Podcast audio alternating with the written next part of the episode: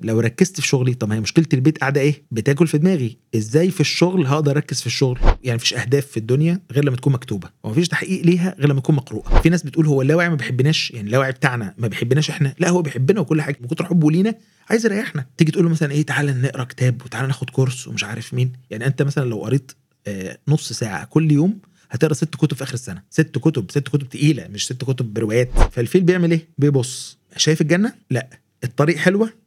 لا طريق مكسرة وشكلها صعب. بص تحت رجله لقى شجرة موز قريبة وسهلة. هيختار مين؟ هقدر أعمله صح؟ لما أتعلم الواعي بيفكر إزاي واللاواعي بيفكر إزاي وأبعد عن الحاجات اللي بيعملها اللاواعي. السلام عليكم. أنا هلال السيد وده فاهم بودكاست. ضيفنا في الحلقة دي هو الأستاذ أحمد خليفة صاحب أكتر من 20 سنة خبرة في المبيعات وتطوير الأعمال. وخلال السنين دي قرأ كتير من الكتب في تطوير عقلية النجاح. والفرق بين تفكير الناجحين المتميزين دايما في مجالاتهم وبين تفكير غيرهم.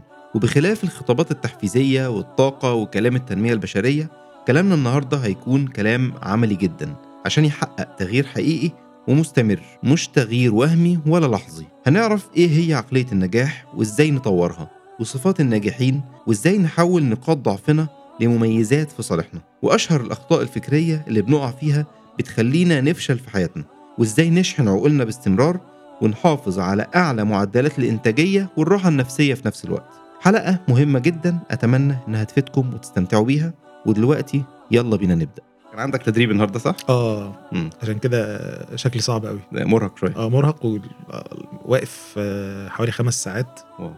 وبعدين البائعين كانوا كتير حوالي 50 بياع ف كان session قوية يعني. وبعدين كمان ال session دي بتاعت الاعتراضات والخناقات بقى العملاء والكلام ده كله ف... فالموضوع بيبقى صعب قوي يلا أعانكم الله. الله يسلمك. بس لازم أجي طبعا كفاية اللي أنا عملته. مثلا يعني خليش أقول قدام الناس. أعتذر قد إيه يعني؟ ثلاث. آه كام؟ أنا اعتذرت مرات؟ كتير قوي. آه ثلاث مرات كتير. يعني لا خلاص مواعيد مؤكدة والثلاثة اتلغوا. دي الرابعة. الحمد لله يعني الحمد لله. الحمد لله على السلامة. الله يخليك الله طيب. يسلمك. آه هو يعني أنا من ساعة ما عرفتك وإحنا آه، اللي أعرفه آه أحمد خليفة آه مدرب مبيعات. أيوة. يعني راجل كل تخصصه بيع. ده حقيقي. فأنت فاجئتني لما قلت لي موضوع عقلية الناجحين. وعقليه النجاح وكيف يفكر الناجحون والكلام ده صحيح. فانا بسالك يعني سألتك بمنتهى البساطه انت عرفت الكلام ده منين؟ قلت لي أنا عشان أبقى بياع لازم يعني ده الطريق الأول وده حاجة أنت. بتقولها في كل أي سيشن تدريب عندك تقريبا ده يعني. حقيقي بالظبط ده حسب ما فهمت منك. فأنا عايز أعرف في الأول يعني إيه بقى عقلية النجاح دي؟ أول حاجة طبعا آه، أنا متشرف إن أنا معاك بجد و... الله يبارك فيك. وده لقاء آه، يعني أنا كنت مستنيه بقالي كتير قوي الحمد لله. الحمد لله. آه وعلى المستوى الشخصي طبعا أنا متشرف إن إحنا أصدقاء وإخوات يعني وكده. شرف ليا. الله يسلمك. ربنا يبارك فيك حبيبي. طيب آه الموضوع باختصار إن إحنا الشغله بتاعتي أنا شغال بياع من 2004 لغاية النهارده. بقالي داخل في 19 سنة لغاية النهارده. ففكرة البياع عموما هو هو واحد من أكتر الشغلانات يعني اللي لازم يكون آه محافظ على عقلية النجاح. إن هو. دايما البياع بيبقى عليه stress كتير قوي وكبير قوي. وفي ناس كتير أصلا ما بتحبش الشغلانة دي علشان ال stress اللي بتاعها إنك أنت دا- دايما مضغوط عليك بال target بتاعك ومضغوط عليك بإنك أنت لازم تبيع كويس وتعرف تقنع العملاء وت handle هم وتشتغل عليهم تقدر تقنع بشكل كبير وفي نفس الوقت تقدر إنك أنت يعني تجيب دخل للشركة وتكسب وتكسب الشركة وتكسب أنت يعني. فده كان بيخليني أو خلاني لما آه، دخلت في مجال إن أنا آه، أعمل تدريب بتاعي وحتى كنت حكيت قبل كده في في اللقاء بتاعي مع دكتور آدم سلم وكان لقاء آه، أنا عظيم. أنا اتعلمت منه جدا عظيم. جدا هو حد. آه، ما شاء الله يعني ربنا أستاذنا يبارك لكم أنتوا الاثنين الله يخليك يا حبيبي. فقلت له إن في مشكلة أصلا في ال sales كتخصص أو شغلانة يعني إنها هي طبعا جزء من ال marketing بس ملهاش literature ملهاش آه، أدبيات كتيرة ملهاش كتب كتير. فأنا اضطريت إن أنا أخترع آه، تدريب للمبيعات من الأول from scratch يعني. تخترع منهج يعني أو اسلوب تمشي عليه. آه اخترع منهج للتدريب لأن مفيش حاجة آه، علمية تقيلة واضحة structured أو يعني منظمة كويس. للمبيعات. فطبعا في حاجات بس إيه بتبقى حاجات صغيرة قوي آه، بتشرح شوية حاجات في العمليات وحاجات زي كده لكن التسويق مثلا لا في كتب في system معمول وفي guidelines كبيرة وموضوع واضح قوي. المبيعات لا لأنها ممارسات أكتر وبتاع. مم. فلما عملت النظام بتاعي في التدريب زي ما زي ما حضرتك قلت كده بالظبط آه، لقيت إن في جزء مهم جدا آه، جوه عقلية البياع عشان ينجح هي عقليته هو مم. يعني هو نفسه بيفكر إزاي فأنا أصلا كنت ضربت غطس كده كنت حتى حكيته لحضرتك قبل كده آه إن أنا ضربت غطس في حتة البني آدمين بيفكروا إزاي والعقل الواعي بتاعهم واللاواعي. أيوه القرارات بتاعتهم بتيجي منين و... وإيه اللي بيخلينا ناخد القرار ده وايه اللي بيخلينا ما ناخدش القرار ده إيه اللي بيخلينا نفكر صح وإيه اللي بيخلينا نفكر غلط فانا لقيت ان في جزء كمان لازم اكلم البائع نفسه عن نفسه. وفعلا يعني فعلا دلوقتي عايز اطلع كورس أو حاجة اسمها عادات الناجحين إن شاء الله. فجزء منها اللي هو تفكير النجاح أو عقلية النجاح في جزء تاني إزاي الانسان ان هو يقدر يطور عادات صحيحة وازاي يقدر يتخلص من العادات السيئة. فده يعني جزء من الحاجات اللي أنا عايز اعملها إن شاء الله الفترة الجاية يعني. طب إيه بقى حكاية العقل الواعي واللاواعي دي؟ يعني مش ما فهمتهاش يعني. آه تمام. بص هو ال- العقلين من أول خالص يعني أول حد أصلا اتكلم في موضوع الواعي واللاواعي ده كان سيجموند فرويد أصلا. م. آه طبعا كان يعني للأسف كان بيقول كلام غلط جدا. في مدرسة التحليل النفسية وكده. آه وكان بيبقى فيه يعني إيه تصورات مش مظبوطة عن ال unconscious أو العقل اللاواعي. لما العلوم اتطورت وأجهزة القياس اتطورت أجهزة اسمها ال fMRI بقى كده أجهزة اسمه ال EEG أجهزة زي كده اتطورت جدا فقدرت تقيس ال- النشاط بتاع المخ. فلما قسنا النشاط أو الناس قست النشاط اكتشفت إن في منطقتين كبار. في نص اللاواعي ده مسؤول عن العمليات الروتينية وإدارة المشاعر والذكريات. كويس. وفي جزء واعي الكونشس ده اللي هو مسؤول عن العمليات المنطقية والتحليل والتفكير والكلام ده كله والعمليات الجديدة.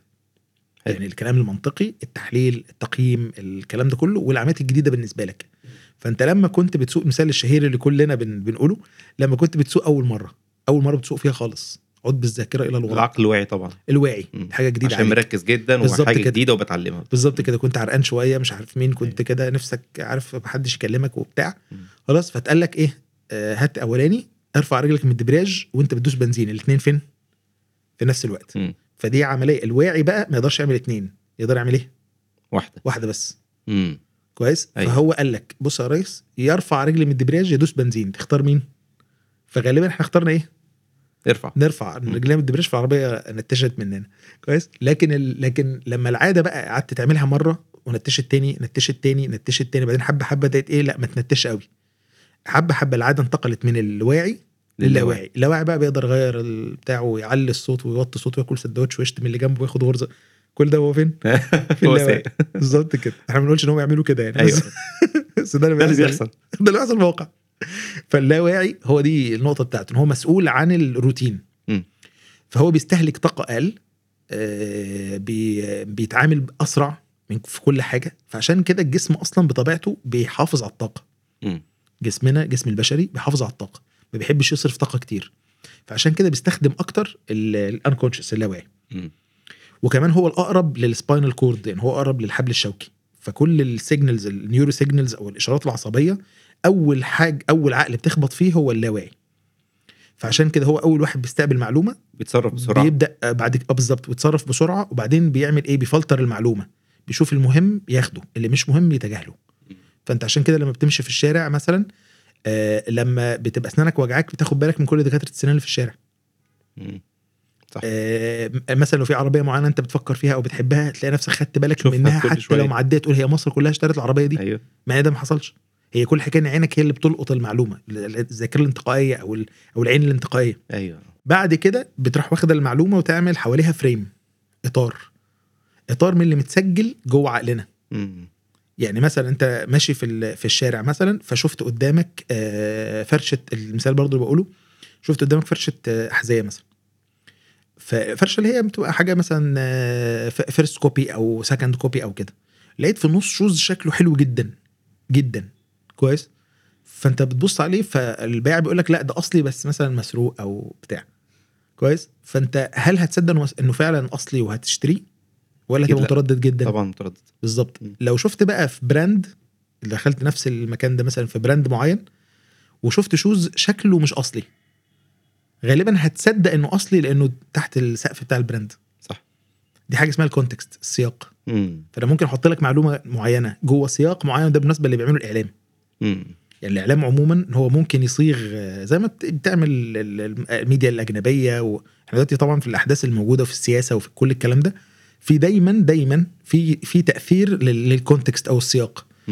وليها أسامي كتير زي ال halo effect مثلا زي ال- الحاجات دي كلها زي برضو المثال اللي أنا بقوله لو إحنا مثلا مشينا في الشارع آه ولقينا عربية sporty غالية جدا فخمة جدا وبتاع وراكبها شاب صغير غالبا هنقول إيه لأ ده حد مثلا جايب له العربية دي مش عارف مين حاجات كده. لو الشخص ده بقى خبط آه، مثلا طيار آه، شاب أسمراني اللون عارف أنت ومجتهد ومكافح هتقول إيه؟ لا ده أكيد ده ده ظالم والتاني ده هو حرام عليكم الجو ده. ويا مفترين يا بقى. فلو ممكن بقى الواقع يكون إن هو لا إن هو الشاب ده هو مجتهد وجايب عربيته دي بمجهوده وبتاع والشاب ده اللي هو اللي بيسوق دخل قدامه مثلا. فإحنا أجزاء من الثانية بنحكم فيها بناء على المعتقدات بتاعتنا والثقافة وال... صحيح. والكلام ده كله. م. ف... ف... فالنقطة ده بيعمله العقل اللاواعي. إن هو بياخد كل المعلومات يصفيها على أساس اهتماماته واللي بيهمه بياخده واللي بيهموش بيرميه وبعد كده يبدأ يعمل إطار. من اللي متسجل من معتقداته من ثقافته من عاداته من الكلام ده كله وبعدين يحكم على ال- الإطار بالمعلومة دي يقول والله لو هي مهمة وجديدة أبعتها للواعي. في اللحظة دي الواعي نايم مم. الواعي بينام بيشتغل ويفصل ويشتغل ويفصل غالبا فاصل واللاواعي هو اللي شغال مم. فاللاواعي بيكلم الواعي يعني بقول تشبيه كده اللي هو بيبدأ يخبط عليه باشا بيبدأ يخبط عليه. فالتاني يقول له نعم. يقول له باشا عندي معلومة جديدة مهمة. بيديله المعلومة حللها وظبطها بالظبط وهاتها لي. بالظبط. فبيديله المعلومة بالإطار بتاعها بكل حاجة ويديها له. ويفضل صاحي برضه اللاواعي ما بينامش. اللاواعي شغال طول الوقت وبينظم الجسم والدم مش عايز ادخلنا يعني الناس في تفاصيل طبية وتفاصيل قوي يعني. بس دي الموضوع مم. الواعي بقى بيبدأ يحكم بشكل منطقي وبشكل واعي وزي الفل وكل حاجة. بس في نقطة إن أصلا التقرير جاي من مين؟ من اللاواعي. من اللاواعي. بإطاره بقى بثقافته بال- بالذكريات بتاعته والكلام ده كله. عشان كده بيختلف تقييم الناس بناء على خلفياتهم. مم. يعني في قصة شهيرة بتتكلم عن حاجة اسمها ال confirmation bias أو الانحياز التأكيدي. أيوه. ده بيتكلم على إيه بقى؟ بيقول لك إن يعني عرضوا فيلم كده مجموعة صور مجموعه فيديوهات يعني الواحده قاعدة. قاعدة بتقرا في مكتبه لوحدها وبتذاكر وبتاع ولوحدها خالص. وبعدين جابوا لها فيديو تاني بتتكلم مع صاحباتها وبتهزر معاهم ومش عارف مين وبتاع. بعدين جابوها آه، آه، قاعدة بتتفرج على حاجة لوحدها آه، زي بص على نبات أو بتاع لوحدها. بعدين جابوها بتتكلم في التليفون بحماس ومش عارف مين وبتاع. وبعدين قسموا المجموعة اللي بتتفرج دي نصين. والنصين ايدنتيكال يعني تقريبا شبه بعض كتعليم كسن بتاع. قسموهم. سألوا الأولانيين إيه رأيكم إن البنت دي تشتغل آه، أمينة مكتبة؟ فقالوا لهم آه شغلانة حلوة جدا لأنها بتحب الكتب وبتحب تقعد لوحدها وبتاع. طب إيه رأيكم تشتغل بياعة مثلا عقارات؟ قالوا لها قالوا لهم لأ ما تنفعش. تمام. سألوا المجموعة الثانية إيه رأيكم يا جماعة تشتغل بياعة عقارات؟ قالوا آه جدا لأنها بتتكلم في التليفون ومش عارف مين وبتاع. طب إيه رأيكم تشتغل أمينة مكتبة؟ لا لا لا ما ينفعش. إيه الفرق ما بين المجموعتين؟ بداية السؤال. السؤال الأولاني ودى كل مجموعة في أيوة. سكة. صح. فعشان كده بالمناسبة آه، واحدة من الأخطاء الرهيبة اللي إحنا بنعملها كبني آدمين في الحياة عموما مش في مصر بس في الدنيا كلها إن إحنا أول حاجة بنعملها في اليوم نفتح الفيسبوك. فإيه اللي بيحصل؟ بتبدأ تنجرف مشاعرك وأفكارك وقراراتك وأحكامك حسب البوستس اللي أنت بتقراها. مم. صح. ايا كانت بقى. فدي كارثة لا. المفروض الأول تصحى خلاص يعني هقول يعني يعني طبعا نفسي نفسنا كلنا طبعا نعمل أول حاجة اللي هو إنك أنت ت- ت- تتوضى وتصلي وتشكر ربنا سبحانه وتعالى هي الثلاث حاجات بتاعت عقد الشيطان أيوه ده المفروض أول حاجة في حياتنا صحيح. كلنا خلاص لكن يا سيدي مش هتعمل لو مش هتعمل ده يا سيدي ما تعملش حاجة تودي تركيزك تودي أفكارك في حتة تانية مم. لأن اللاواعي بياخد ال... بيتبنى الفكرة دي وبيبدأ يحكم عليها ممكن لغاية نص اليوم يعني مم. ممكن نص يومك كله أفكارك كلها في اللاواعي تروح في اتجاه معين فبيضيع يومك فبيضيع يومك بيضيع قراراتك بيضيع أفكارك بيضيع طاقتك. بيضيع حاجات كتير جدا فاللاواعي هو ال ال ال ال ال يعني حتى في التشبيه اللي واحد اسمه دكتور جوناثان هايت ليه كتاب اسمه آه، ظاهرة السعادة أو happiness hypothesis. بيقول فيها إن اللاواعي عامل زي الفيل والواعي عامل زي اللي راكب الفيل فأنت في واحد راكب الفيل وزنه مثلا 80 كيلو وفي 2 طن تحت اللي هو ال- الفيل. الفيل ده زي اللاواعي. ضخم جدا قوي جدا ماشي طول الوقت في الغابة. اللي راكب الفيل ده هو اللي بيفكر بقى وبتاع. لو ما. اتحكمش فيه هيدمر حياته. بالظبط كده. هو للأسف ل 95% زي ما كنت كنت بقول لحضرتك 95% في ال في الأنكونشس في الفيل ده. مم. و5% في اللي راكب الفيل. فده للأسف بقى إحنا مش واخدين بالنا من ده. إن إحنا 5% من قراراتنا ومن حياتنا ومن أفكارنا جوه الواعي. و95 في اللاواعي المتسرع جدا اللي بيبني على. على الذكريات بتاعته اللي بيبني على المواقف المسبقة بتاعته فالموضوع بيروح مننا في في داهية يعني الله المستعان طيب هو أنا يعني قبل ما نتعمق شوية في الحلقة أنا آه. كان ليا تعليق على مسألة النجاح آه يعني إحنا بنتكلم النهارده على تفكير الناجحين فإحنا. أكيد نقصد الناجحين في في إطار معين زي يعني إيه؟ يعني إحنا بنتكلم على النجاح في يعني على الأقل النجاح الدنيوي أو. آه. النجاح في ال... يعني أنا دايما عارف اللي هو ال- الجدال بتاع الناجح أو صورة النجاح دايما إنها تتصدر في فقط في النجاح الدنيوي أو النجاح المادي تحديدا إن الفلان آه، عمل وكسب وطور عمل شركات وبتاع لك كده قصة واحد ناجح هي مش شرط النجاح يبقى كده ممكن يكون واحد شخص عادي جدا من موظف آه، طبيعي يعني إنسان عادي جدا مش لازم مش لازم كل الناس تبقى تحقق نجاح مادي آه، ملحوظ عشان يعني يبقى اسمه ناجح. فهو ده كان تعقيب عندي قبل ما يعني لا هو في هو في حد برضو آه، يعني أنا بحب شوية حكاية إن إحنا نتكلم على الفرق ما بين النجاح والفلاح. حلو. يعني مثلا هو الفلاح هو النجاح ال- الديني الدنيوي. اللي هو إن الإنسان ينجح في في الدن في في الآخرة في الآخرة بتاعته وال- واللي ناجح في الآخرة هو ناجح في دنيته. كويس. اللي هي الحياة الطيبة اللي آه. ربنا سبحانه وتعالى وعدنا بيها. فده الفلاح إن الإنسان يكون ناجح في في الدين فناجح في آخرته وبالتالي بيكون ناجح دنيويا على أساس تحقيقه لرسالة ربنا سبحانه وتعالى. في بقى نجاح. النجاح ده كلمة مطلقة. زي ما أنت قلتها كده بالظبط. أيوه. فكرة إن أنا أنا عندي هدف وهو حققته. لازم تتأيد بحاجة. بالظبط. الله ينور عليك. بس كده. يعني هي الفكرة. النجاح مقيد بشيء. مم. ففي واحد مثلا حتى لو كان اخرويا رايح في داهية بس هو دنيويا ناجح. ناجح. هو حلو. في هدف حطه وحققه لنفسه. أيوه. نفس فكرة مثلا إيه آه ال- ال- الكرماء الجاهلية مثلا. اللي هم إيه إنه لم يك لم يكن يقل رب اغفر لي خطيئتي يوم الدين. إن هو شخص إن هو آه يعني كان ليه طلب إن هو يقال إن هو جواد فقيل إن هو جواد. فده نجح ولا مش نجح؟ نجح في الحاجة اللي هو طلبها. بس كده. أيوه هي دي الفكرة. فهو أصل أنا, بيحقق أنا دايما بيستفزني فكرة إيه إطلاق مفهوم النجاح على لا، لا، النجاح اللي هو الملموس قدامنا دلوقتي. بس هو مادياً. فكره فكرة إن أنا أطلق على الشخص الناجح ماديا ان, إن هو الناجح ماديا بحت إن هو ناجح ده في حد ذاته مش وحش دينيا. ليه؟ لأن هو إيه منهومان لا يشبعان. مثلا صحيح طالب, علم, علم طالب مال وهو طالب مال فهو طالب المال ده النبي صلى الله عليه وسلم أقر إن هو منهوم صلى الله عليه وسلم وأقر إن هو آه بينجح. بغض النظر هو استخدم المال ده في إيه. هو هو برضو نرجع تاني لحتة إيه. الرابطة. أيوه. ناجح. آه ناجح. في إيه؟ في إيه؟ آه والله يعني أنت نجحت في الدنيا ومش عايز الآخرة خلاص. خلاص انتحر، آه، ليك الدنيا. بياخدها. آه ليك. الدنيا. بس مم. ف... وليس له في الآخرة من نصيب. بالظبط. آه يعني دي كانت حاجة كده عارضة عشان أيوه بس معلومة حلوة جميلة. الله يبارك فيك. دايما بنتعلم منك يعني. آه، أنت باشا عيب عليك. لا ما أنا بياع بقى في آه ندخل بقى في. طب هي هتبيع لنا؟ حبيبي يا ريس حبيبي. لا ما أقدرش. آه طيب آه ليه بقى التفكير ده مهم في حياتنا؟ طيب عشان بدل ما نروح في داهية يعني المشكلة ال- المشكلة إن إحنا كبني آدمين برضو آه، برضه أنا مش مش من المدرسة بتاعت آه، أيقظ المارد بداخلك والحاجات اللطيفة دي ولا وأنا أصلا من ضمن الناس اللي ما مش معترف أصلا بالتنمية البشرية وال- والكلام ده كله خالص. حبيبي. ربنا يخليك. حبيبي. قلبي. يلا آه. بجد والله. مش معترف بيه أصلا يعني. لا هو التنمية البشرية طبعا فيها مستويات. من أو يعني من أو في حاجات آه، ضايعة خالص زي الطاقة والكلام ده كله لغاية بقى الحاجات بتاعه يعني في الطاقة وقانون قانون الجذب والكلام ده كله ده ده مسافرين آه. مسافرين مسافرين يعني. خالص يعني. خلاص. وفي حاجات بقى اللي هي إيه في النص ما بين الحاجات اللي زي مثلا البرمجة اللغويه العصبية وال NLP والحاجات دي.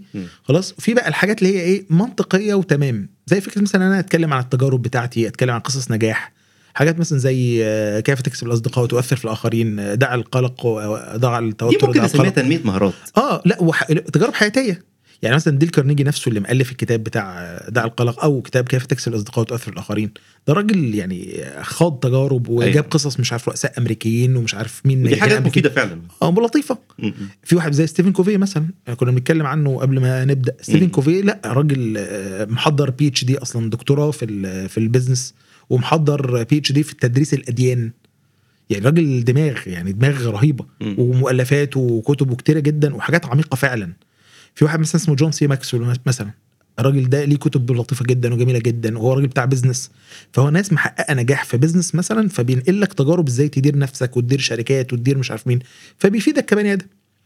أما الحاجات بقى بتاعت إيه Awaken the Giant مثلا مش هنقول بقى اسامي ال- الناس اللي هم مؤلفين دول. لا حاجات فيها over قوي يعني في حاجات مثلا فكرة إنك أنت تقدر تعمل أي حاجة أيوه الخطب و- الحماسية اللي آه، هي آه، تشعللك وتقدر وبعدين بعد ما تعدي الخطبة فاللي هو إيه بقى؟ مفيش حاجة اللي هو أعمل الصح عارف مم. أنت أعمل المفروض تعمله اللي هو إيه بقى يعني طب أعمله إزاي ماليش دعوة أعمل. وبرضه فكرة برضه ال- الحاجات بتاعت ال- البرمجة اللي هو العصبية وللأسف كان بتتعمل وكان في حد متبني الموضوع ده في مصر وبتاع أيوة. وكورسات وكتب وبتاع فأنت اللي هو طب وبعدين ما أنا إيه بقى أعمل إيه؟ مفيش أدوات. لغاية بقى فكرة ال- الناس بتاعت إيه إنك أنت تفكر في فكرة فالفكرة دي ليها موجة فالموجة دي تجيب الفكرة يعني تحققها لك اللي هي قانون الجذب وال- أيوه. والسر وال. تفكر في الحاجة هتحصل لك. البتنجان ده آه. فأنا بقى ضد الكلام ده. يعني أنا من الأول ضد الكلام ده. فلما يعني لما قريت بقى ودخلت في الحتة دي كمبيعات وازاي أقدر اقنع العميل بتاعي اكتشفت ان أنا عندي جانب مهم جدا إن أنا أقدر أستغل الفكرة دي مم. فكرة الواعي واللاواعي والأخطاء بتاعتنا إزاي أطور عقلية النجاح بتاعت البياع أو الناس عموما مم. فإحنا المشكلة بتاعت اللاواعي إن إحنا عندنا أحكام مسبقة عندنا معتقدات سابقة عندنا ميديا ناس بتتفرج عليها طول الوقت عندنا أفكار آه، كتيرة جدا أو موروثات حتى من المجتمع والحاجات دي في منها الصح وفي منها الغلط وفيها مشاكل كتير جدا. ده غير بقى ال ال يعني هو الإنسان في العموم بينشأ من أربع مستويات. الجينات بتاعته الجيناتكس بتاعته اللي جاية من. أسرته والكلام ده كله. تاني حاجة بيبدأ إيه؟ يتولد. يعني هو مولود بالجينات بتاعته. بيبدأ بقى إيه؟ في وسط قريب منه وهو طفل صغير بيبدأ ياخد منهم من أسرته من والده ووالدته معظم تصوراتنا في الحياة أصلا بتت- بتتكون في السبع سنين الأولى. بعد كده بيبدأ إيه؟ ده المرحلة الثانية المرحلة الثالثه بقى بيبدأ إيه؟ من المجتمع بقى اللي حواليه جيرانه وأصحابه المدرسة الكلام ده كله. والتعليم طبعا لغاية ال ال 18 والكلام ده كله. بعد كده هو علم نفسه إيه. فأنا لو أنا سايب لو أنا مولود بالجينات كلنا يعني كل واحد بقى مو- مولود في بيئة معينة بطريقة معينة بسلوكات معينة بأفكار معينة. طيب في ال- البيت بقى حواليا ما كانش بيئة داعمة ما كانش بيئة بتساعد مثلا. كان في انتقاد طول الوقت كان في مشاكل طول الوقت مثلا الحاجات دي كلها أو خناقات أو خلافات أو كده. دخلت بقى في وسط في وسط حواليا شارع ومدرسة وبتاع في خناقات بقى ومشاكل وبتاع. طيب ولا علمت نفسي. اللي هو رابع مستوى؟ الشخص ده هيطلع عامل إزاي؟ يعني الشخص ده هيطلع أفكاره عاملة إزاي؟ لما تيجي بقى تطرح عليه معلومة إيه الإطار اللي هيكونه حول المعلومة دي؟ يعني لما تيجي مثلا تقول له إن إحنا محتاجين آه نتعلم عشان نكون أفضل. هيقول لك لأ الفاسد هو اللي بيوصل. مم. هيقول لك على طول كده. الفاسد هو اللي بيوصل. والفلوس بتفسد النفوس. وتلاقي بعض المعتقدات بقى يقول لك لا أصل الفلوس وحشة أصلا. بتخلي الإنسان شرير. بتخلي الإنسان مش كويس. فتيجي تقول له مثلا ماشي بس هو هو مين أفضل واحد مثلا في في البشر بعد الأنبياء مثلا؟ سيدنا أبو بكر. صحيح. سيدنا أبو بكر رضي الله عنه كان مليونير بمصطلح الحديث. في كلمة دايما بقولها إن في ستة من العشرة المبشرين بالجنة آه، مليارديرات بمصطلح الحديث. ستة. يعني. سيدنا أبو بكر سيدنا عثمان آه، سيدنا طلحة بن عبيد الله سيدنا عبد الرحمن بن عوف طبعاً. كان اغناهم مم. تمام آه سيدنا آه سعد بن أبي وقاص وسيدنا آه زبير بن العوام. الستة كانوا مليارديرات بمصطلح الحديث سيدنا طبعا آه عمر بن الخطاب كان بيشتغل بإيده آه في يعني بقية الصحابه سيدنا علي كان بيشتغل بإيده كان آه يعني آه عشان يعمل الوليمة بتاعة الزواج بتاعته اشتغل وراهن آه، شغله وبتاع فالفكرة فكرة إن لا ال- الباقي كانوا مليارديرات. سيدنا عثمان طبعا يعني القصص بتاعت السخاء والعطاء والدفع والشراء ومش عارف بتاع سيدنا عبد الرحمن عوف كان بتقطع الثروة بتاعته بالسوق بالفؤوس. فالناس دي كانت أغنياء جدا. طبعا الغنى مش وحش؟ يعني هو الغنى مش وحش. وفكرة إن الفقراء يدخلون الجنة قبل الأغنياء بنصف يوم. دي ده حديث صحيح طبعا. لكن الفكرة إن دول بيدخلوا الأول والتاني وبس مين فيهم هيبقى فوق التاني؟ يعني مين بيدخل الأول حاجة ومين فيهم هيبقى عالي ومين فيهم هيبقى أقل؟ ده موضوع تاني. أيوه. يعني ده مسألة ودي مسألة تانية خالص. أيوه ف- وال- والمال مطلوب يعني أه، تجميع. المال مطلوب عشان يعني ده, ده قوة للاسلام أو قوة عزة للاسلام قوة. آه، أنت لو عندك الإمكانيات المادية وعندك تقدر تطور نفسك عسكريا تقدر تحارب اقتصاديا تقدر تقدر ف- تستغنى. بالظبط كده. ال- الحديث النبي صلى الله عليه وسلم في صحيح مسلم اللي هو المؤمن القوي خير وأحب إلى الله من المؤمن الضعيف. أنا م. عايز أقول لك إن أنا في التدريب بتاعي هو ده الحديث ده هو برنامج النجاح. ودايما دايما كان الإمام ابن القيم لما تيجي تقرأ أي كتاب ليه ويجي على ناحية الحديث ده بيقول إن الحديث ده يعني لازم يفرد بالتأليف مم. وهو يعني يعني كذا مرة اتكلم عنه الحديث ده فظيع يعتبر أفضل يعني أنا حتى بقول الكلمة دي الحديث ده ممكن يغنيك عن كل كتب التنمية البشرية. كلها بإدارة الوقت بال- بالترتيب بتاعك بالخطط بتاعتك بهتعمل إيه كل حاجة فالنقطة أنا مش مؤمن بال يعني بالتنمية البشرية كشكل اللي هو خارج عن التجارب الحياتية، لكن كتجارب حياتية هو لطيف جدا. لما بقى فكرت في حكاية الواعي واللاواعي دي عرفت إن إحنا فعلا عندنا أخطاء سلوكية إحنا محتاجين ناخد بالنا منها، مم. بس كده هو ده اللي دخلني في ال- في موضوع عقلية النجاح ده. طيب أنا دلوقتي عايز أعرف إزاي يعني أحكم على نفسي يعني عايز أعرف يعني أنا قريب من العقلية دي ولا بعيد آه، ممكن نقول مثلا الصفات اللي اللي بتميز لعقليه الناجح وأنا بقى اقيس نفسي عليها الصفات دي موجودة فيا أو لأ. في آه، كلمة كان بيقولها واحد اسمه دانيال بينك لطيف جدا الراجل ده واحد من من ال من الثينك تانكس أو اللي هي ال- القامات ال- في الإدارة في أمريكا. مم. كويس؟ فالراجل ده آه، كان بيقول كلمة حلوة قوي إن المعيار آه، معيار نجاحك الحقيقي هو في طريقة تفسيرك لفشلك. يعني أنت لما بتفشل كلنا كب- كبشر بنفشل. لما بتفشل بتفسر فشلك إزاي. بترميه على غيرك ولا بتشوف خطأ بس كده. آه. فهو حلو. ده معيار الحقيقي لأي بني آدم في الدنيا. خلاص طب في واحد بي يعني بمعنى تاني إن أنا لما أجي أقول مثلا أنا فشلت في مثلا موضوع معين أنا فشلت في البيعة دي بالنسبة. لنا إحنا كبياعين أنا فشلت في البيعة دي. أو أنا مثلا فتحت مشروع فشلت في المشروع ده. أو أنا مثلا فشلت في علاقة أو فشلت في في دراسة أو فشلت في ايا كان كلنا معرضين للفشل طول الوقت. فالشخص ده بقى لو هو بيشاور جوه يعني هو هو صباعه بيشاور فين؟ لو بيشاور بره يعني أصل المناهج هي اللي فيها مشكلة، أصل هم بيقيموني غلط، أصل هم مش فاهميني، أصل زوجتي مش مش مش تفهمني، أصل أنا عندي مشكلة في مع إخواتي في البيت،. والدي ووالدتي ظالميني، فأنت كده طول الوقت بتشاور فين؟ بره بره. أو أنا دايما كلمة اللي دايما بقولها أول ما صباعك يخش جوه حياتك هتتغير. يعني أول ما أقول أنا بالظبط إن في جزء من الموضوع يعني هو طبعا برضو ما تتحملش كل حاجة. يعني الكلمة اللي دايما بيقولها ستيفن كوفي مثلا ودي كلمة جميلة جدا إن الإنسان حياته ما بين دايرتين. حاجة اسمها دايرة التأثير ودايرة اسمها دايرة التأثر. دايرة التأثير دي هي الحاجات اللي أنت تملك التحكم فيها. دايرة التأثر هي الظروف اللي براك أنت جاي منين آه، معاك فلوس ولا لأ من أسرتك مثلا الحاجات دي كلها. أو اتعلمت قد إيه الحاجات دي كلها.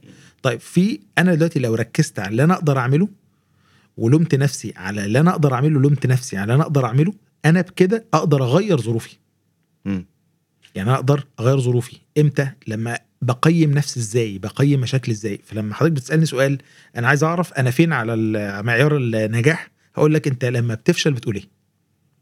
لما بنفشل بنقول إيه؟ لو أنا بقول لأ والله أنا قصرت مثلا في في علاقتي مع زوجتي فخلا فخليتها تكلمني بأسلوب مش كويس فعشان كده بقى أنا اتخانق.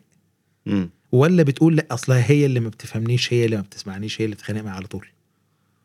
هي دي الفكرة. أيوة. فانا لو أنا في جزء من الموضوع حصل عندي في جزء عندها. في الشغل في جزء حصل عنده في الش- في الشراكة في جزء حصل عنده في جزء حصل عندي. الجزء اللي عليك بقى أنت بتتحملته ولا قلت لا؟ أصل هو اللي ظالم هو اللي مفتري هو اللي وحش. طب أنت بقى عملت إيه. أنا في مرة أصلا وقعت في, في يعني في مشكلة كده في شغل وبتاع فكنت بتكلم مع مع مصطفى أخويا. وهو يعني يعني هو أصغر مني في السن بس ما شاء الله يعني بحب جدا فكره وعمقه واتعلمت منه كتير جدا. فمصطفى في مره كنت قاعد بشتكي له بشتكي له بشتكي له فقال لي طب فين اللي عليك؟ بس فأول ما قال لي الجملة دي كل الحزن والزعل بتاعي وال... لأن أنا قاعد بفسر غلط أنها إيه؟ غلط ناس تانية. أيوه. هم عملوا ومش عارف مين وبتاع. فهو قال لي طب حلو جدا يا أحمد واللي عليك فين؟ بس قلت له ثانية واحدة معلش أنا آسف هقفل التليفون. فقال لي تمام اتفضل ربنا يوفقك. فرحت قافل التليفون وعارف ان أنا هعمل إيه يعني أنا هبدأ إيه أعيد حساباتي. لما قفلت معاه التليفون قعدت بقى أعيد حسابات تاني طلعت ان غلطان في واحد اتنين تلاتة أربعة. فده بيعلمني لو أنا ما اتعلمتش ده مش هروح في حتة. صح. والنقطة الثانية المعيار الثاني هو أنت عندك عقلية ثبات ولا عقلية نمو؟ دي برضو مفهوم كده آه، اتكلمت عنه واحدة اسمها دكتورة كارول دوك هي بتقول إن في حاجة اسمها عقلية ثبات وعقلية نمو. عقلية الثبات إن الناس اللي هم عندهم عقليه الثبات دي مؤمنين إن إن هم أصلا ظروفهم والحاجات اللي حواليهم اللي هي دايرة ال- التأثر. هي اللي بتحكم قدرهم ومسارهم فأنا مش هخرج عارف اللي هي فكرة بتاعت إيه ابن الدكتور بيطلع دكتور وابن المهندس بيطلع مهندس وابن مثلا النصاب يعني الفكرة دي إن إحنا محكومين بالظروف. ده صاحب عقليه الثبات. في واحد تاني بقى صاحب عقليه النمو هو مؤمن إن هو يقدر يغير مصيره بإن هو بيقدر يغير ال ال القدرات بتاعته والعمل بتاعه وال- والظروف بتاعته وبالتالي بيقدر يحقق نتائج أفضل. ده الفرق ما بين الاثنين فده المعيارين الرئيسيين. أنت بتفسر فشلك إزاي؟ وده طبيعي كلنا بنتعرض له. م. والنقطة الثانية أنت صاحب عقلية نمو يعني شايف إنك أنت تقدر تغير من نفسك فبالتالي وضعك يتغير وتحسن ولا لأ أنا والله أنا هفضل طول عمري كده والظروف كده والناس حواليا كده. فبتستنى الفرصة بدل ما أنت اللي بتعملها. فده دول الحاجتين الأساسيتين اللي بتقيس نفسك عليهم. طب أنا ممكن يعني من النقطة دي أقول إن أنا ال- الفرص أو أو الحاجة اللي أنا شايفها بره خارجة عني ممكن أنا أقدر أحولها لنقط يعني نمو بالنسبة لي ولا الموضوع يعني أنا ما اشتغلش على على الجانب ده أصلا أشتغل على الجانب اللي أنا مميز فيه وخلاص على كده؟ هو الإنسان برضو فيه نقطة مهمة جدا إن مشكلتنا كبني آدمين إن إحنا ما بنعرفش نفسر نقاط قوتنا صح. يعني يعني مثلا فكرة إن أنا أفسر وأقول إن أنا مثلا عندي نقاط قوة وإن أنا قوي في كذا وإن أنا فاهم كذا فده يخليني أبقى مؤهل لكذا ده إحنا بنعرفه وإحنا بنتحرك لقدام. مم. يعني بمعنى إن مثلا أنا أنا مثلا كأحمد أهو. طول ما أنا ناجح أعرف الحتة اللي أنا كويس فيها. بالظبط. يعني من يسر له في شيء فلي فليفعله دي ده في أثر م- مروي عن سيدنا عمر بن الخطاب. أنا مش فاكر نصه دلوقتي بالظبط. بس هو تقريبا بالمعنى ده. إن هو. اللي يسر ليه في شيء. يعمله. مم. فدي برضو حاجة من الحاجات إن يعني أنا نفسي كأحمد أصلا يعني برضو دي ممكن تكون مفاجأة بالنسبة لناس كتير وحتى قلتها في الدكتور إيهاب قبل كده إن أنا أصلا ما كنتش بحب الشغلانة دي بتاعت المبيعات. يعني قعدت من 2004 لغاية 2008 ما بطيقش الشغلانة. بس شغلانة بشتغلها وبتجيب لي فلوس وفلوس كويسة الحمد لله فالدنيا تمام. إيه اللي حصل بعد كده؟ بدأت أحب الشغلانة. ففكرة إن أنا أشتغل في الحاجة اللي فيها الباشن بتاعي ما هو أنا حضرتك ما أعرفش أصلا إيه باشن إيه. الشغف يعني. اللي هو الشغف والكلام ده كله. أنا مش عارف إيه الشغف بتاعي أصلا أنا لسه ما أعرفش. وبعدين مع الوقت اكتشفت إن أنا لما كنت بكتب آه، قصص قصيرة ومش عارف مين وبتاع فبقيت أعرف آه، أحكي السردية. يعني أعرف أعمل سردية أعرف أعمل قصة. فبقيت أعرف أستخدمها في البيع. لما بقى لما لقيت نفسي مثلا بصحح آه، مع والدي المقالات والدي كان والدي آه، كاتب صحفي يعني مم. إسلامي وكده بيتكلم مقالات إسلامية موجود في كان في في الكويت آه، 24 سنة في ال- في المجلات في الكويت والحاجات دي كلها. فكنت براجع وراه وأنا طفل. كنت براجع مثلا معاه مقالات معينة حاجات لغوية كلام زي كده. فده خلاني عندي قدرة الكتابة والمراجعة والتحرير وال... سرد. والسرد والكت... والتجميع المصادر والكلام ده. كله. ومكتبة طبعا ما, ما بتخلصش. عنده يعني ربنا يبقى يجزي يجزي عننا خير. فالحاجات دي خلتني أعرف آه، أبقى مدرب. كمان كنت في الإذاعة المدرسية فخلتني أعرف أبقى مدرب وما أخافش من الناس أقف قصاد طلبة كتير وبتاع. فلما بقيت أدرب بقيت أدرب براحتي خالص من غير ما أقلق. بثقة. بالظبط. فهي تجميعة الحاجات اللي أنت بتعملها هي اللي بتوديك في حتة. لكن هل أنا بقى وأنا شغال بياع كنت عارف إن أنا هشتغل مبيعات؟ لأ. ما كنتش حابب الشغلانه فدي الفكرة إن أنا لو في فرصة يعني أرجع تاني لسؤال حضرتك لو عندي مثلا فرصة موجودة في السوق أنا يعني حتى لما حد بيقول لي بيقول لي طب أشتغل في المبيعات ولا لأ؟ بقول له كلمة لطيفة جدا. أنا عندي مثلا سلسلة يعني في سلسلة فيديوهات كده آه، مجانية. آه، فيها أساسيات المبيعات. كنت مرة كنا بنتكلم أنا وحضرتك عنها أصلا. أيوة. فلو فاكرها. آه فاكرها شفتها؟ شفتها؟ كانت. حلوة؟ حلو جميل إن شاء الله. الله يخليك. ربنا يبارك. آه الله يسلم حضرتك ف- ف- فبقول للناس إيه اتفرج على السلسلة دي. لقيت الكلام عجبك؟ يعني مشي مع مع المود بتاعك والبياع يعمل كذا والبياع ولا استثقلت الموضوع؟ يعني استثقلت فكرة إن البياع يسأل العميل فالعميل يرد عليه فيعمل فيعترض فالبياع يرد عليه. لو أنت قلت لا لا لا يا عم ما اشتغلش الشغلانة دي ما تشتغلش ما تشتغلهاش. بس يعني معلش أنا أنا بيتهيألي يعني ممكن يكون عندي اعتراض على الحتة دي أو. يمكن أفهمها غلط يعني. لا لا لا عادي. هو مش شرط الواحد يشتغل في شغفه أو أصلاً. يبقى عنده شغف في حاجة معينة فيفضل مصر وراه. ممكن لا، يعني لا، ربنا. يفتح له في حتة حتة ثانية آه. آه. أنا بقول لحضرتك إن إن حتى على الأقل شوف الموضوع. يعني أنت في فرصة قدامك دلوقتي. يعني مثلا دلوقتي مثلا من أكتر الحاجات فكرة إن أنا لقيت ال- ChatGPT وال AI ال artificial intelligence والحاجات الذكاء الاصطناعي والكلام ده كله في فرص والبرمجة والكلام ده كله في ناس بقى اللي هو إيه يلا بينا نروح للبرمجة ماشي خلاص لو أنت شايف البرمجة لطيفة روح أنا نفسي وأنا صغير كنت بعمل ألعاب بالبيزك والحاجات اللي كانت زمان قوي صغير مم. صخر وبتاع م- م. وبعدين لما دخلت ال- الدراسة في كلية تجاره ليا صديق وهو صديق عمر لغاية النهارده مبرمج شاطر جدا فقال لي يا أحمد تعالى ناخد كورس مع بعض وبتاع وأنت بتحب البرمجة فقلت له آه جدا ويلا بينا أنا معاك ودايس وبتاع. خدنا مع بعض كورس. آخر يوم في الكورس أنا طبعا كنت في الكورس ده يعني نصه ما بروحوش دفعت الفلوس وكل حاجة بس ما كنتش مقتنع بيه. يعني أنا ما كنتش مقتنع بال- بالشغلانة. في آخر يوم في الكورس طبعا كان إسماعيل ما شاء الله كان مقفل كل حاجة وأشطر حد في الكورس وكل حاجة. أنا قلت أنا مش هشتغل الشغلانة دي. فبعدين رحت عامل إيه؟ رحت ناطط لل business. لل marketing وال sales والكلام ده. أنا كنت ببيع ساعتها. يعني كنت بدأت أبيع بدأت أتحرك بدأت أعمل. بس قلت إيه أنا بحب البرمجة. ما أشتغل في البرمجة.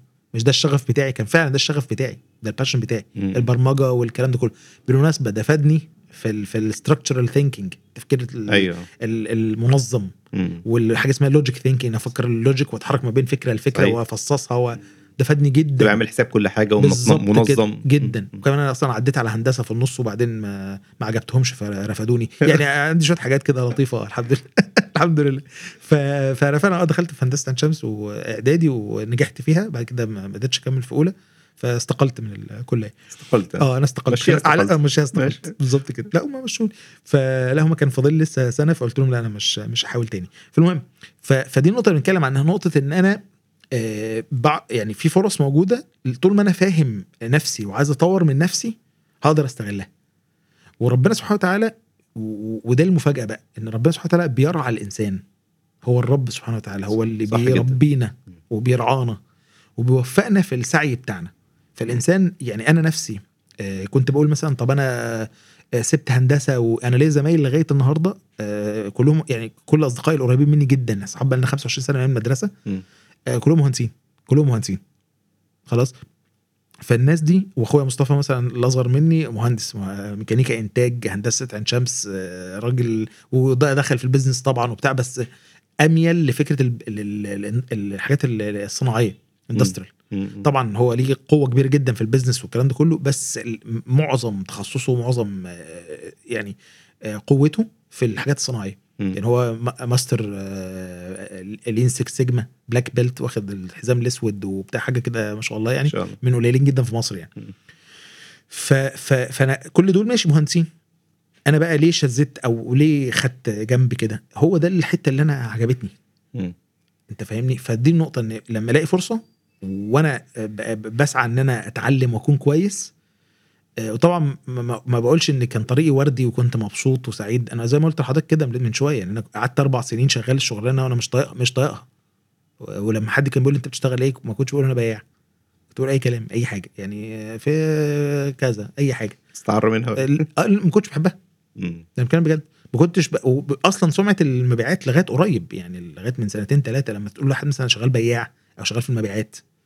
يقول أيوة. لك يعني إيه مبيعات مندوب. دي يعني مندوب. آه اللي هو بيلفوا على القهاوي دول ويرمي لك مش عارفين على رجلك وبتاع. أيوه. لكن ما أعرفش إن في مبيعات كبيرة وفي أقسام وفي تخصصات في ناس بتقبض مرتبات ضخمة جدا ده غير العمولات بتاعتها. مم. يعني الد- الدنيا جميلة حلوة يعني. أنا ما بحبش المبيعات مع إني اشتغلت على فكرة مبيعات. يعني أنا اشتغلت آه فتره أنت قلت لي آه قعدت فترة في المبيعات بس ما يعني ما حسيتش إن أنا ممكن أكمل فيها خالص عادي يعني آه. آه، وأنا مش. بطبعي مش بياع. يعني أنا مش بس يعني عايز أقول لك إن أنا يعني كلامك أو أنت شجعتني إن أنا أتعلم بيها لأن. لقيت إن مهارة البيع يعني هي فعلا حاسس إنها مهارة مش بس بتنفع في إنك تروح تعمل بيزنس أو تبيع بتنفع في حياتك. صحيح. تعرض تعرف تعرض نفسك تعرف تتكلم بتاع. هي مهارة برضو بصراحة يعني ما يعني هحاول يمكن أدخل معاك حتة كده. تنورني والله. ربنا يبارك فيك. رجوعا بقى لحتة العقل الواعي واللاواعي عشان. أوه. ممكن يعني اديني كده أشهر أو يعني أوضح الأخطاء الفكرية اللي إحنا بنقع فيها بت... بتخلينا نروح في حتت مش يعني بتغير سلوكنا أو بتخلينا. نبتعد عن عقلية النجاح. عشان نبقى محددين في موضوعنا يعني. حلو جدا. كويس. بص أقول لك على حاجة. نرجع للتشبيه بتاع جوناثان هايت. حلو. هو قال الفيل واللي راكب الفيل. مم. الفيل واللي راكب الفيل ماشيين مع بعض في الغابة. جميل. كويس. م. فاللي فاللي راكب الفيل بيقول للفيل اللي راكب الفيل اتفقنا إيه؟ اتفقنا إن هو ده الواعي. ده الواعي. الله ينور عليك. ما شاء. الله. مركز معايا. ما شاء الله لسه. مركز. ده انت جاي من ما شاء حتى الله. الان هو أنا اللي بموت أصلا بس الحمد لله. أنا بحاول أفوقك. فالحمد لله. فهو اللي راكب الفيل ده الواعي. كويس. الواعي وركز معايا بقى في الكلمات اللي أنا بقولها. كويس. وخلي بالك منها. حلو. اللي راكب الفيل بيقول للفيل على فكرة آه هم واقفين دلوقتي في مفترق طرق في الغابة. مم. في مفترق طرق. فبيقول له على فكرة يمين طريق اليمين ده آخره في جنة مليانة أكل وشرب وضله والدنيا حلوة قوي هناك. أنا مش شايفها وأنت كمان مش شايفها. مم. بس أنا سمعت ومصدق اللي قال لي. يلا بينا نروح هناك. فالفيل طبعا مش هيسمع الكلام هو عنده دماغ واللي راكب الفيل عنده دماغ. مم. فالفيل بيعمل إيه؟ بيبص بيشوف الدنيا أخبارها إيه. شايف الجنة؟ مش شايف. لا. الطريق حلوة؟ لا. الطريق مكسرة وشكلها صعب. حلو الكلام؟ بص تحت رجله لقى شجرة موز قريبة وسهلة. هيختار مين؟ الموز. بالظبط كده. فاللي راكب فوق قال له يا ابني الموزة دي شجرة موز صغيرة هناكلها؟ هنفضل إيه؟ جعانين. تعال نروح للجنة دي بيقولوا عليها مليانة أكل وشرب وبتاع. فطبعا الفيل وراكب الفيل بقى لهم سنين مع بعض. ما أنت واللاوعي بتاعك بقالنا بقالنا كتير يعني. عشرة. آه فهيديك يعني هياخد هيديك فرصة برضه. إيه بيعمل إيه؟ بيبص بصة. هو لسه مش شايف ده. مم. إيه اللي شايفه تحت رجله؟ الشجرة. الموزة. مم. فكل إنسان في الدنيا بيسعى إلى تحقيق السعادة وبيبعد عن الألم. أي إنسان في الدنيا ايا كان عقيدته فكره تعليمه سنه آه، جنسه ايا كان هو بيسعى إلى تحقيق السعادة وبيبعد عن الألم. فأنا دلوقتي المشكلة بقى إن السعادة ليها مستويين طويلة المدى وقصيرة المدى اللي هي المتعة. وفي ألم. طويل المدى وفي ألم قصير المدى. إيه بقى الجنة؟ اللي هي بعيده دي هي هي النجاح هي الفلاح هي جنة ربنا سبحانه وتعالى. هي إن أكون أب صالح وزوج صالح وابن صالح. هي الحاجات الكبيرة النجاح الكبير. وطريقها صعب. وده السعادة الطويلة المدى. مم. كويس؟ مم.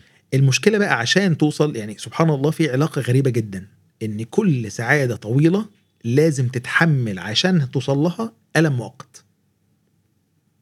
وكل متعة مؤقتة اللي هي الموزة.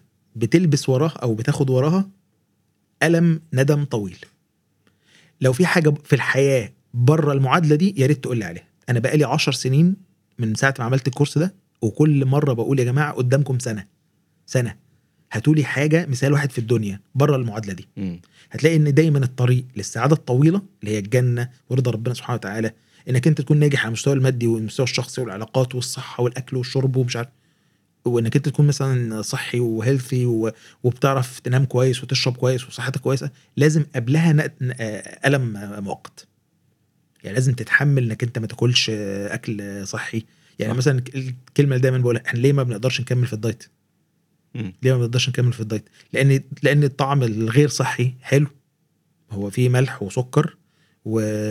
وإيه كمان ودهون يعني. ملح وسكر ودهون كلها حاجات لذيذة و... كلها حاجات لذيذة. جدا وممتعة جدا وتخلي الأكل طعمه حلو جدا مم. بس حاجات مضرة والفايدة من تركها بعيدة المدى للأسف فإحنا بناكل الأكل الصحي طعم وحش طعم وحش وممل وانت محتاج التاني ال- فانت مش قادر تتحمل الألم المؤقت عشان توصل للسعادة الطويلة. فبنعمل إيه؟ ومشكلة بقى الفيل اللي هو اللاواعي إنه ما بيشوفش غير مؤقت بس.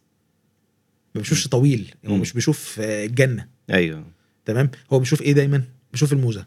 مم. فكل ما بيشوف طريق مكسرة يبعد. كل ما يشوف أكل صحي يبعد. كل ما تقول له تعالى نقرأ يبعد. كل ما تقول له تعالى نطور نفسنا يبعد. طب تعالى نلعب. يحب. تعالى نفتح الفيسبوك دلوقتي يحب يا سلام يشوف النوتيفيكيشن يجري وراه يشوف المش يشوف المتعة معينة تجري وراه. فدي هي الفكرة اللي للأسف بتضيع ال- الأفكار بتاعتنا. عشان كده بقول إن إحنا محتاجين نوقف تأثير العقل اللاواعي ونشغل الواعي. وللأسف ده صعب جدا. مم.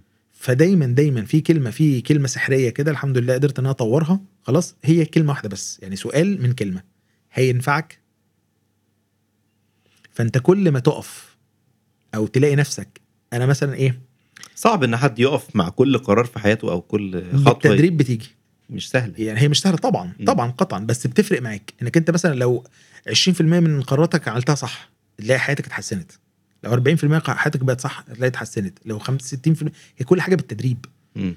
وده في ح... في حديث عن النبي صلى الله عليه وسلم اللي هو إنما العلم. بالتعلم وإنما الحلم بالتح... الحلم طبعا اللي هو اللي هو انت بتقابل حد مثلا تقول إيه ده ما شاء الله ده حليم. مم. يعني تحس الراجل ده حكيم. يعني عندنا مثلا في البلاد بتاعتنا وفي أسرنا أنا أصلا من قرية في الصعيد فبتلاقي في مثلا حد في القرية كده تلاقيه حكيم قوي وبتاع. هو أصلا ما اتولدش ما كده اتولدش كده. مم. ولا العالم اتولد كده. مهما- أيوة. مهما كان العالم هو مين. هو ما اتولدش كده عمره اتولد كده. هو إنما العلم بالتعلم. إنما الحلم بالتحلم ومن آه، يط- يطلب الخير يعطاه ومن يتوقع الشر يوقى. أو كما يعني قال النبي صلى الله عليه وسلم. فأنا بالنسبة لي أنا دلوقتي بحاول آخد خطوة فببقى كويس. فأنا بسأل نفسي سؤال هينفعك؟ كلمة هينفعك دي هو ده سؤال واعي ولا سؤال لا واعي؟ سؤال واعي. ده سؤال واعي. جدا آه. حلو جدا. مم. بس أنا كده بعطل بيه مين؟ اللاواعي. لأن. اللاواعي ما بيعرفش يجاوب عليه. مم. يعني مثلا أنا دلوقتي قدامي أكل مش صحي. كويس؟ أو في أنا دلوقتي جعان. أنا دلوقتي جعان أهو. وهل كان من الشغل وبتاع وجعان؟ عارفين عارف اللحظة دي؟ اللي أنت بتبقى هتلتهم أي حاجة قدامك تفرتكها. بالورق بتاعها عارف انت جوه ال foil في أيوه هتاكل ال foil في في النص. فأنا لو دلوقتي جعان قوي لو قدامي أرد لو فكرة إن أنا إيه أروح أطلب بقى برجر وبطاطس و... والحاجات اللي هي الغازميه الغازية والبتاع لو أنت قلت إيه هينفعك؟ فده كلام للواعي بس أنا بسأل بيه اللاواعي فاللاواعي هنا يحصل له إيه؟ لأ هيقف يقول لأ ما آه مش هينفعني تصدق؟ فساعتها يقول له طب ما ناكل بقى أكل كويس. لا ثواني بس عشان مم. أفهم حاجة. مم. هو هنا اللاواعي رد قال آه مش هينفعني؟ هو على الأقل هيفكر لأن هو عارف يعني هنا هنا بالمناسبة أنا كل المطلوب إن أنا أوقف الفيل. مم. لأن الفيل ده بيجري ويسحلني وراه. أيوه ما هو ده كان سؤالي. هو هو, هو الفيل ده بيفكرش. لا هو الفيل بيفكر بس بيفكر في الروتين بتاعه. يعني هو مم. بيحب المتعة بيحب الكذا. هو بالمناسبة ال... في ناس بتقول هو اللاواعي ما بيحبناش يعني اللاواعي بتاعنا ما بيحبناش إحنا. لا هو بيحبنا وكل حاجة بس هو بيحب... بيحب... من كتر حبه للخير يعني من كتر حبه لينا عايز يريحنا. آه والله العظيم. ما, نريح. تيجي تقول له مثلا إيه تعالى نقرأ كتاب وتعالى ناخد كورس ومش عارف مين. يعني أنت مثلا لو قريت آه، نص ساعة كل يوم هتقرأ ست كتب في آخر السنة. مم. إيه رأيك في المعلومة دي؟ ست كتب business مم. ست كتب آه، محاسبة ست كتب آه، كذا. ست كتب ست كتب تقيلة مش ست كتب بروايات لا في الروايات دي ممكن تقرأ لك 18 20 رواية. أيوه أيوه. لكن ست كتب business علمية تقيلة. آه مم. ممكن حاجات في العلوم الشرعية. ممكن تخلص ست كتب محترمة. مم. يعني متن بالشرح بتاعه بكذا ممكن تقرا آه، ست كتب خلال سنة. صح. ده نص ساعة بس في اليوم. مم. المشكلة بتاعتنا إيه؟ إنها بالمناسبة نص ساعة وجمعة أجازة كمان. مم. لا أنا حاسبهم ما تقلقش. فأنت فايه بقى الفكرة؟ لا إحنا ما بنعملش كده. النص ساعة دي آه، أقعد أقرأ فيها وهتعب بقى وبتاع. تيجي على الصفحة الثانية كده تلاقي عقلك اللاواعي ما تيجي ناكل. ما تيجي لا بص على التليفون. طب بص على الفيسبوك. طب تابع طيب الأحداث اللي بتحصل. طب طب شوفني اللي مش عارف مين. فتروح فاتح ال- الفيسبوك. فمخك يروح فين؟ يطير بقى يروح بره ال- فاللاوعي بيحب ده. ليه بيحبه؟ مش عشان بيكرهنا. عشان عايز يريحنا. عايز ارتاح بس هو مش عارف مصلحتنا. هو مش عارف مصلحته. وبيفكر على القصير المدى. فإيه ما, ما تيجي نرتاح شوية بس. أنت تعبت. أنت تعبت. شكلك تعبان. شكلك تعبان. ما تيجي نرتاح شوية. هو عايز يوفر طاقة. الواعي بقى هو بتاع التفكير الطويل وبتاع ال- القرارات والتطوير والكلام ده كله.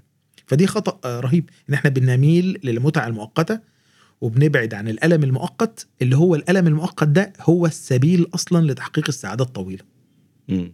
هو السبيل الألم المؤقت هو الوصول لل- للسعادة الطويلة ومفيش حد يعني يعني مفيش حد حقق أي حاجة في الحياة إلا لا- لازم يتعب عشان يحققها.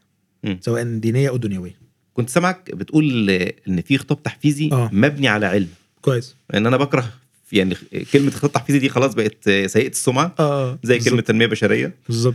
فإيه بقى الخطاب التحفيزي المبني على علم؟ هو مبدئيا طبعا آه، يعني في علم أصلا ظهر اللي هو علم النفس الإيجابي أو ال positive psychology ده واحد من العلوم ال- اللي ظهرت أصلا قريب جدا ويعني ظهرت يعني بقى لها مثلا 10 سنين معتمدة كنوع من أنواع العلوم في علم النفس.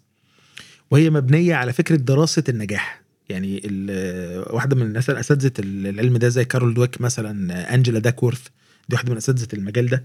آه، الناس دي متخصصين في آه، في دراسة السلوك نفسه والنجاح والكلام ده كله. في كتاب حلو جدا لانجلا داكورث اسمه العزيمة آه، جرات. ومترجم بالعربي وترجمته حلوة جدا يعني. فالموضوع باختصار إن هو في حاجات مبنية في خطابات تحفيزية مبنية على العلم وفي خطابات حتى لو كانت مش جاية من علماء يعني مثلا زي ستيفن كوفي مثلا أو أو آه، زيج زيجلر أو الناس دي الناس دي بتتكلم في التحفيز والكلام ده بس مش مبني على علم هم مش متخصصين في في في العلوم بتاعة العلم النفس والتطوير والكلام ده بس لأن هم واسعي الخبرة. يعني زيج زيجلر ده ده راجل آه، جاي أصلا من خلفية دينية وبالمناسبة اللي بيتكلم في في الأمور التحفيزية اللي جاي من خلفية دينية فرق السماء من الأرض من اللي جاي من خلفية آه، الحاديه ليه؟ لأن ال- اللي عنده دين بيبقى عنده آه، يعني عنده جزئية الإيمان بالقدر وجزء وجزئية إن أنا في حد هينقذني لما يحصل مشكلة. يعني مثلا من ضمن الطرائف ال- اللي دمها يعني هي طرائف دمها تقيل يعني عارف أنت مبكيات يعني من المضحكات المبكيات يعني. في كتاب اسمه The Power of Habits خلاص؟ واحد اسمه تشارلز دوهيج قوة العادات. قوة العادات بالظبط كده. آه، مترجم بقوة العادات فعلا واحد اسمه تشارلز دوهيج. مم. الراجل ده بيقول في النص كده كان بيتكلم على تجربة حصلت في كنيسة في أمريكا إن التج... إن الكنيسة دي كانت بتطلع أعلى معدلات للتعافي من الإدمان. كويس؟ مم. فهو بيقول في ال... في الكتاب وهو بيذكر المثال ده أنا ملحد. هو بيقول كده أنا ملحد. بس بقول لكم امنوا بأي حاجة عشان تقدروا تغيروا عاداتكم. فاللي هو طب حضرتك ما تقول لنفسك يعني يعني ممكن حضرتك تسمع انت الكلام اللي انت بتقوله لنا فاهم؟ فالملحدين بيبقى كلامهم في في المسائل دي مضحك. مم. فعلا. وحتة مثلا إيه الأخلاق جاية منين؟ يعني لما تيجي تتكلم مثلا واحد ملحد وتقول له مثلا هي الأخلاق جاية منين؟ يقول لك أصل الطبع البشري لما أيوه معلش ثانية واحدة مش إحنا وسخ كيميائي على كوكب في, المجرة؟ مش إحنا المفروض طبيعتنا كده وطالعين من الكلام ده كله أيوة. زي ما قال ستيفن هوكينج والكلام ده كله؟ مم. مش إحنا ده الطبيعي طب إيه اللي يخلي بقى عندي أخلاق؟ يعني إيه- لا أصل إن إحنا التجمع بتاعنا ماشي ماشي جه منين بقى؟ فمش هنخش في الحتة دي لأن الموضوع غريب جدا. ما عندوش مرجعية باختصار بالظبط كده فأنت لما تيجي تتكلم طب أنا إيه اللي يخليني بقى أحس يعني مثلا كلمة رهيبة لزيج زيجلر كان بيقول إيه كان بيقول إن أسوأ حاجة حصلت في تاريخ ال- البشرية هي نظريتين نظرية نظريات داروين ونظريات فرويد مم. لأنك أنت لما تيجي تكلم أي واحد فاشل هيقول لك بص يا معلم أنا أصلا بتحركني الشهوات اللي هي نظرية فرويد في علم النفس واصلا أصل قرد اللي هو داروين. فأنت مستني مني إيه؟ فزيج زيجلر بيقول يا جماعة هو أنتوا بتهزروا؟ يعني زيج زيجلر لأنه جاي من خلفية دينية عشان ده عشان كده بقول لك هو. بيقول يا جماعة أنتوا بتهزروا؟ لما تكلم واحد فاشل هيقول لك على طول كده بص بص يا ريس أنا أصلا آه، كل اللي بيحركني الشهوه اللي بيحركني الشهوة والرغبات الجنسية. واصلا قرد فمستني مني إيه؟ فأنا خلاص كده واخد آه، مبرر عارف أنت واخد مصل آه، تبرير الفشل. لكن في حد تاني بقى مؤمن هو عارف إن هو ليه سبب لوجوده على الأرض. الإجابات إجابات الأسئلة الوجودية اللي هي خارج نطاق الإنسان عنده إجابات عليها. إن في رب وإن في كون وإن في خلق وفي سبب وفي قضية أنت موجود عشانها. دي ايا كان الدين بتاع ايا كان دين الشخص وخصوصا طبعا الدينات اللي يعتبر اسمها الدينات السماوية. دي أكتر أكتر في قوة الإنسان نفسه بينه وبين نفسه.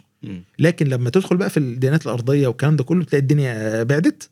اللي بره الديانات بقى الدنيا في الحلاوة يعني. طيب جميل. آه، عايز بقى أدخل على. حتة تانية ال- العادات اليومية.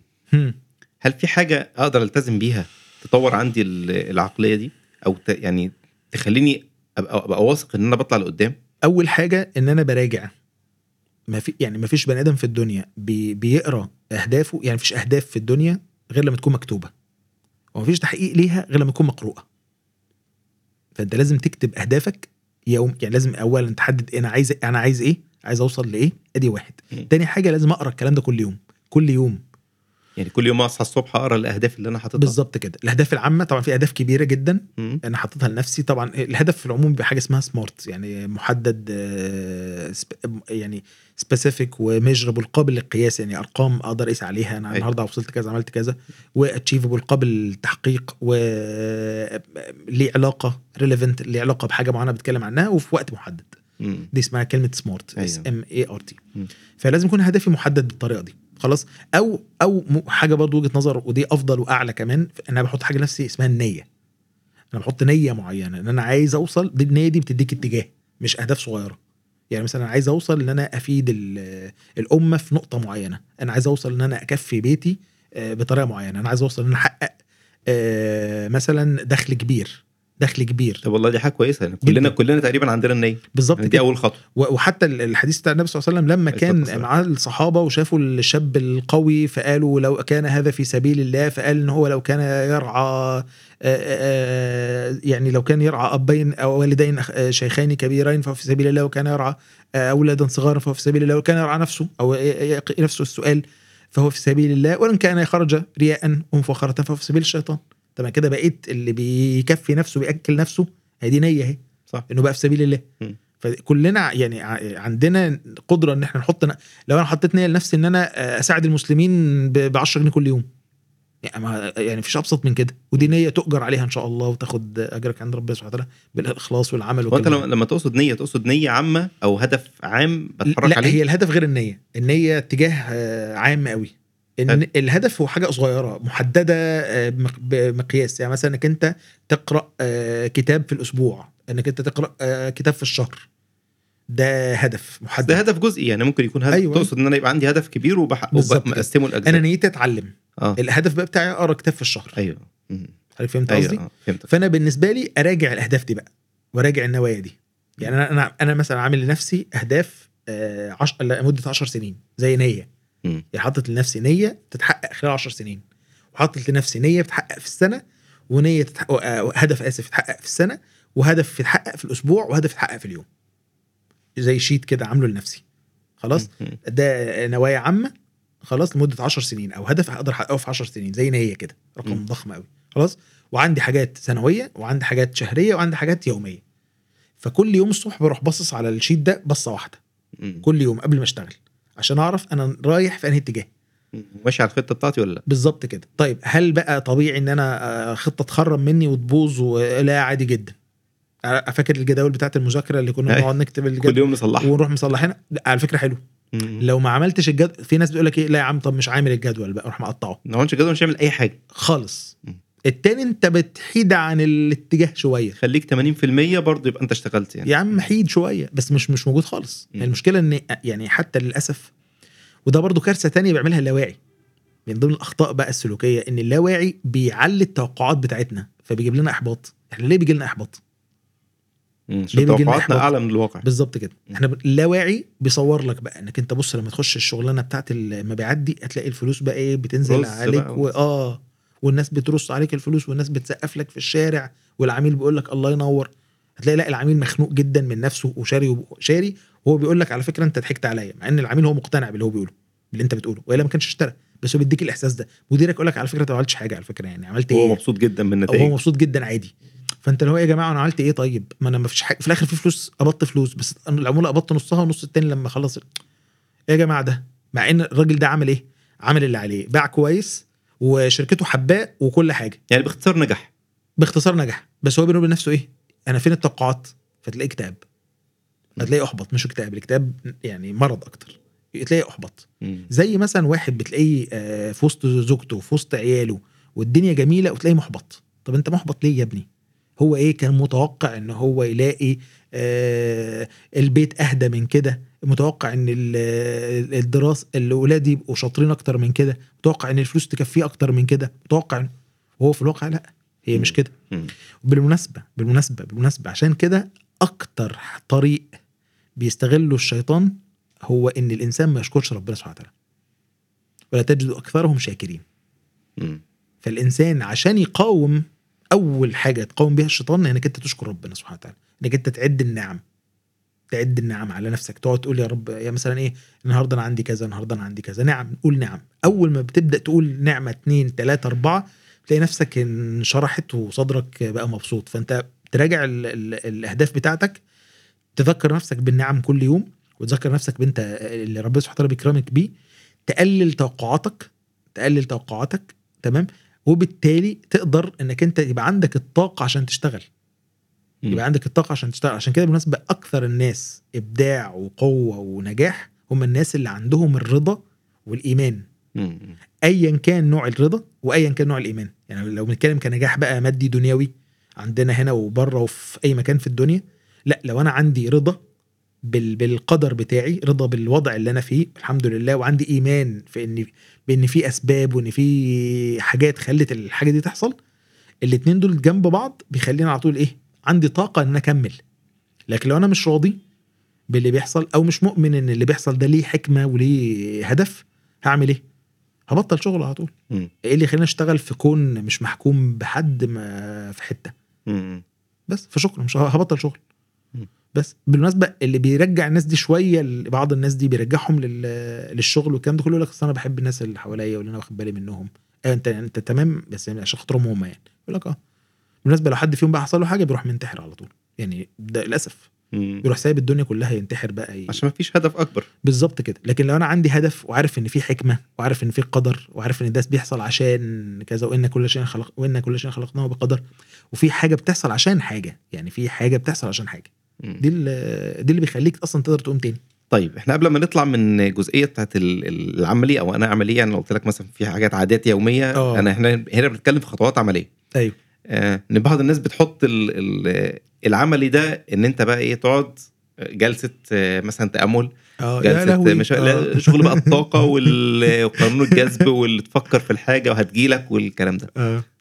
فتعليقك على قصة الطاقة لا الموضوع وهل ده هي فعلا ممكن تكون لها أصل يعني طبعا إحنا شرعا إحنا الكلام ده مش هنتكلم عن شرعا هو إيه لا ما هو مسافر مسافر خالص مسافر شرعاً طبعاً. هن- خلينا نتكلم بشغل ال... طب هقول لحضرتك على. حاجة طب تعالى نتكلم على حاجة بقى بصراحة م. يعني مبدئيا كده طبعا غير غير الجانب الشرعي أنا عايز أقول لك بقى إن أصلا في حاجة آه، اسمها list of pseudo pseudoscience topics ليستة أو قائمة العلوم الزائفة أو موضوعات العلوم الزائفة م. ده لستة حطتها أساتذة آه، العلوم عموما وتصنيف العلوم والكلام ده كله في أكبر جامعات في العالم من ضمن ال list دي ال law of attraction قانون الجذب.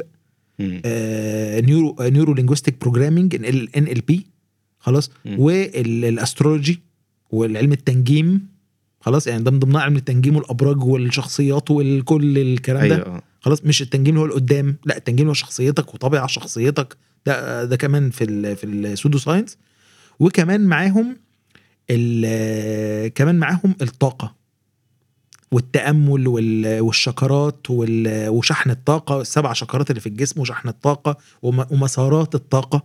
كل ده يعتبر من ال pseudoscience العلوم الزائفة. فده مش كلام مش مش مش يعني إيه مش منطلق ديني عندنا. إحنا بنقول حلال ولا حرام؟ لا ده أنا بكلم حضرتك حتى عن علمياً. الغرب. الناس اللي هي بتشتغل علوم تجريبية. طب ليه بيقول عليها pseudoscience؟ لأن باختصار تعريف العلم هو إني أقوم ال- القيام بجمع مجموعة من المعلومات مبنية على تجارب وتم تكرارها وتحقيق نفس النتائج. حلو تعريف مم. تمام؟ كويس. فال pseudoscience بقى بيعمل إيه؟ إن أنا بعمل م... بفكر يعني بتوع ال attraction law أو قانون الجذب هو بفكر في الفكرة المفروض مبني على إيه قانون الجذب؟ أنا بفكر في فكرة فالفكرة دي ليها wave ليها موجة. أنا مش م. مش هتريق دلوقتي عشان بس ما حدش ي... لا مش تريقه آه يعني بتكلم بجد. هم بيقولوا كده فعلا. فبقول لك إيه في موجة معينة للفكرة فالفكرة دي بالموجة دي بتجيب الفكرة اللي هي ال- الفلوس مثلا إن الفلوس اللي موجودة في الكون بتتشد بنفس الموجة دي. فأنت لما كل يوم الصبح وبيجيبوا بقى في قصص بقى في زي فيلم السر أو كتاب السر The Secret والكلام ده كله. آه. فلما تيجي تشوف الفيلم يقول لك إيه أصل أنا كنت بحلم يعني جاب لك مثلا شخصية واحد وقال لك إيه أنا بحلم مثلا كنت طول عمري حاطط قدامي صورة بيت بشكل معين وعربية حمراء وبقف في البيت ده أبص على على بركب العربية ومراتي واقفة في البيت وبتشاور لي أنا واولادي فيقول لك الصورة دي حتى أحلم بيها عشر سنين. وفوجئت إن أنا رسمت الصورة دي وحطيتها عندي في المكتب وأنا بنقل من بيت لبيت تمام؟ لقيت نفسي وأنا بفتح الصورة اللي كانت كنت معلقها لنفسي لقيت نفسي في نفس البيت اللي أنا كنت حاطه. يا سبحان الله. لا تخرج قبل أن تقول سبحان, سبحان الله. فالنقطة معلش يا حبيبي هو الفكرة إنك أنت هي إن الصورة هي اللي عملت كده ولا أنت إنك أنت فحت نفسك شغل عشان توصل للبيت ده وعشان أنت حابب الفكرة دي اخترت بيتك بالشكل ده. ويبداوا بقى يجيب لك ادله من من من, القرآن والسنة. يقول لك إيه؟ تفاءلوا بالخير تجدوه. مع إن ده مش حديث أصلا. وفي ضعف في روايته عن سيدنا علي بن أبي طالب رضي الله عنه أمير المؤمنين. وفي نفس الوقت الموضوع مش كده. وأنا عند ظن عبدي بي فليظن بي ما شاء. يا جماعة الموضوع مش كده. ما هو أنا يعني حتى لما سئل الإمام حسن الحسن البصري واتقال له إن أولئك يقولون إنهم يحسنون الظن فلا يحسنون العمل. الناس اللي هي تحسن الظن من الناس اللي في الأوائل اللي كانوا يعني عندهم نوع من أنواع التصوف في, ال- في الأول وكده فقال لهم إيه؟ كذبوا. لو كان لو أحسنوا الظن أحسنوا العمل. مم. فأنت العمل ربنا سبحانه وتعالى بيقول إيه؟ فامشوا في مناكبها وكلوا من رزقي أنا عايز أكل من رزقي من غير ما أمشي في مناكبها. إزاي؟ يعني ف- فالقانون الجذب مبني على الكلام ده. وفي الغرب قالوا يا جماعة الكلام ده مش مثبت بشكل علمي. فين الأدلة العلمية على كده؟ الفكرة ملهاش موجة. يعني ملهاش هو مش مش مش جسم. لو جسم هيبقى ليه wave. فهم نفسهم في الغرب قالوا إن إن تكرار نفس الحاجة ما طلعش نفس النتيجة. وبالتالي قالوا إن العلم ده علم زائف. pseudo science زي العلم الطاقة زي الحاجات دي كلها. يعني حتى مش موافق لقواعد العلم التجريبي. خالص. و و وللأسف لما بيحبوا يصدروا الكلام ده لينا في العالم العربي والإسلامي بيقولوا لنا يا جماعة لأ ما هو في أحاديث أهو في آيات بتقول. أيوه يا جماعة لو, لو افترضنا لو افترضنا إن أنا هحسن الظن بالله سبحانه وتعالى فيج فيجيب لي سبحانه وتعالى اللي أنا بقوله. ما هو أنا لو ما عملتش اللي ربنا سبحانه وتعالى أمرني بيه ما هو مش هاخد. أنا دلوقتي عايز ال- الخلفة ولا وما اتجوزتش. عايز ال- الزرع وما ما رميتش البذور. عايز ال- العلاج وما خدتش الدواء. أيوه لو دعيت ربنا سبحانه وتعالى ما هو لو دعيت لله سبحانه وتعالى ده جزء من الدواء. إن أنا أدعي ربنا سبحانه وتعالى فربنا يشفيني. زي ما عمل الأنبياء وعمل الصالحين على مدار العصور لغاية العصور دي. فالنقطة لازم أعمل حاجة. أخذ بالأسباب. بالظبط كده. في بقى حاجة تانية اسمها الطاقة. الإنسان لازم مثلا ياخد باله منها ودي برضو مبنية على الدين مش الطاقة إن أنا أشحن الطاقة وأدخل المسارات وأنظف الشكرات فالشكرات والطاقة تجيلي كلام مضحك. من الكون. يعني أنت فاهم اللي هو يا جماعة طب ما هو ما هو لو كان كده ما كانش حد غلب. ففي ناس بتبالغ جدا في موضوع الطاقة ده. م. تمام؟ وهو للأسف في أبعاد كبيرة جدا يعني في أبعاد دينية واعتقادية. كويس؟ فهو في ناس بدأت بدل ما أنا دلوقتي ما عنديش يعني في الغرب في انحسار طبعا كبير بسبب ال- آه، البعد عن الدين والكلام ده كله. فهم عايزين يبدلوا الدين ده بأديان روحية لطيفة قريبة ما فيهاش التزام ما فيهاش صلوات آه، مستقيمة ما فيش مثلا عبادات معينة وحلال وحرام. فالأسهل من كده كل ده إيه؟ إنك أنت تتأمل تعمل مديتيشن تعمل آه، اليوجا بتاعتك وبالتالي وتنظف الشكرات بتاعتك وتبقى حد كويس ولطيف وتحاول إنك أنت إيه تاخد الطاقة دي. في الواقع بقى الناس اللي هم يعني أرباب اليوجا وأصحاب اليوجا نفسهم بيقولوا إن دي يا جماعة دي صلاة صلاة.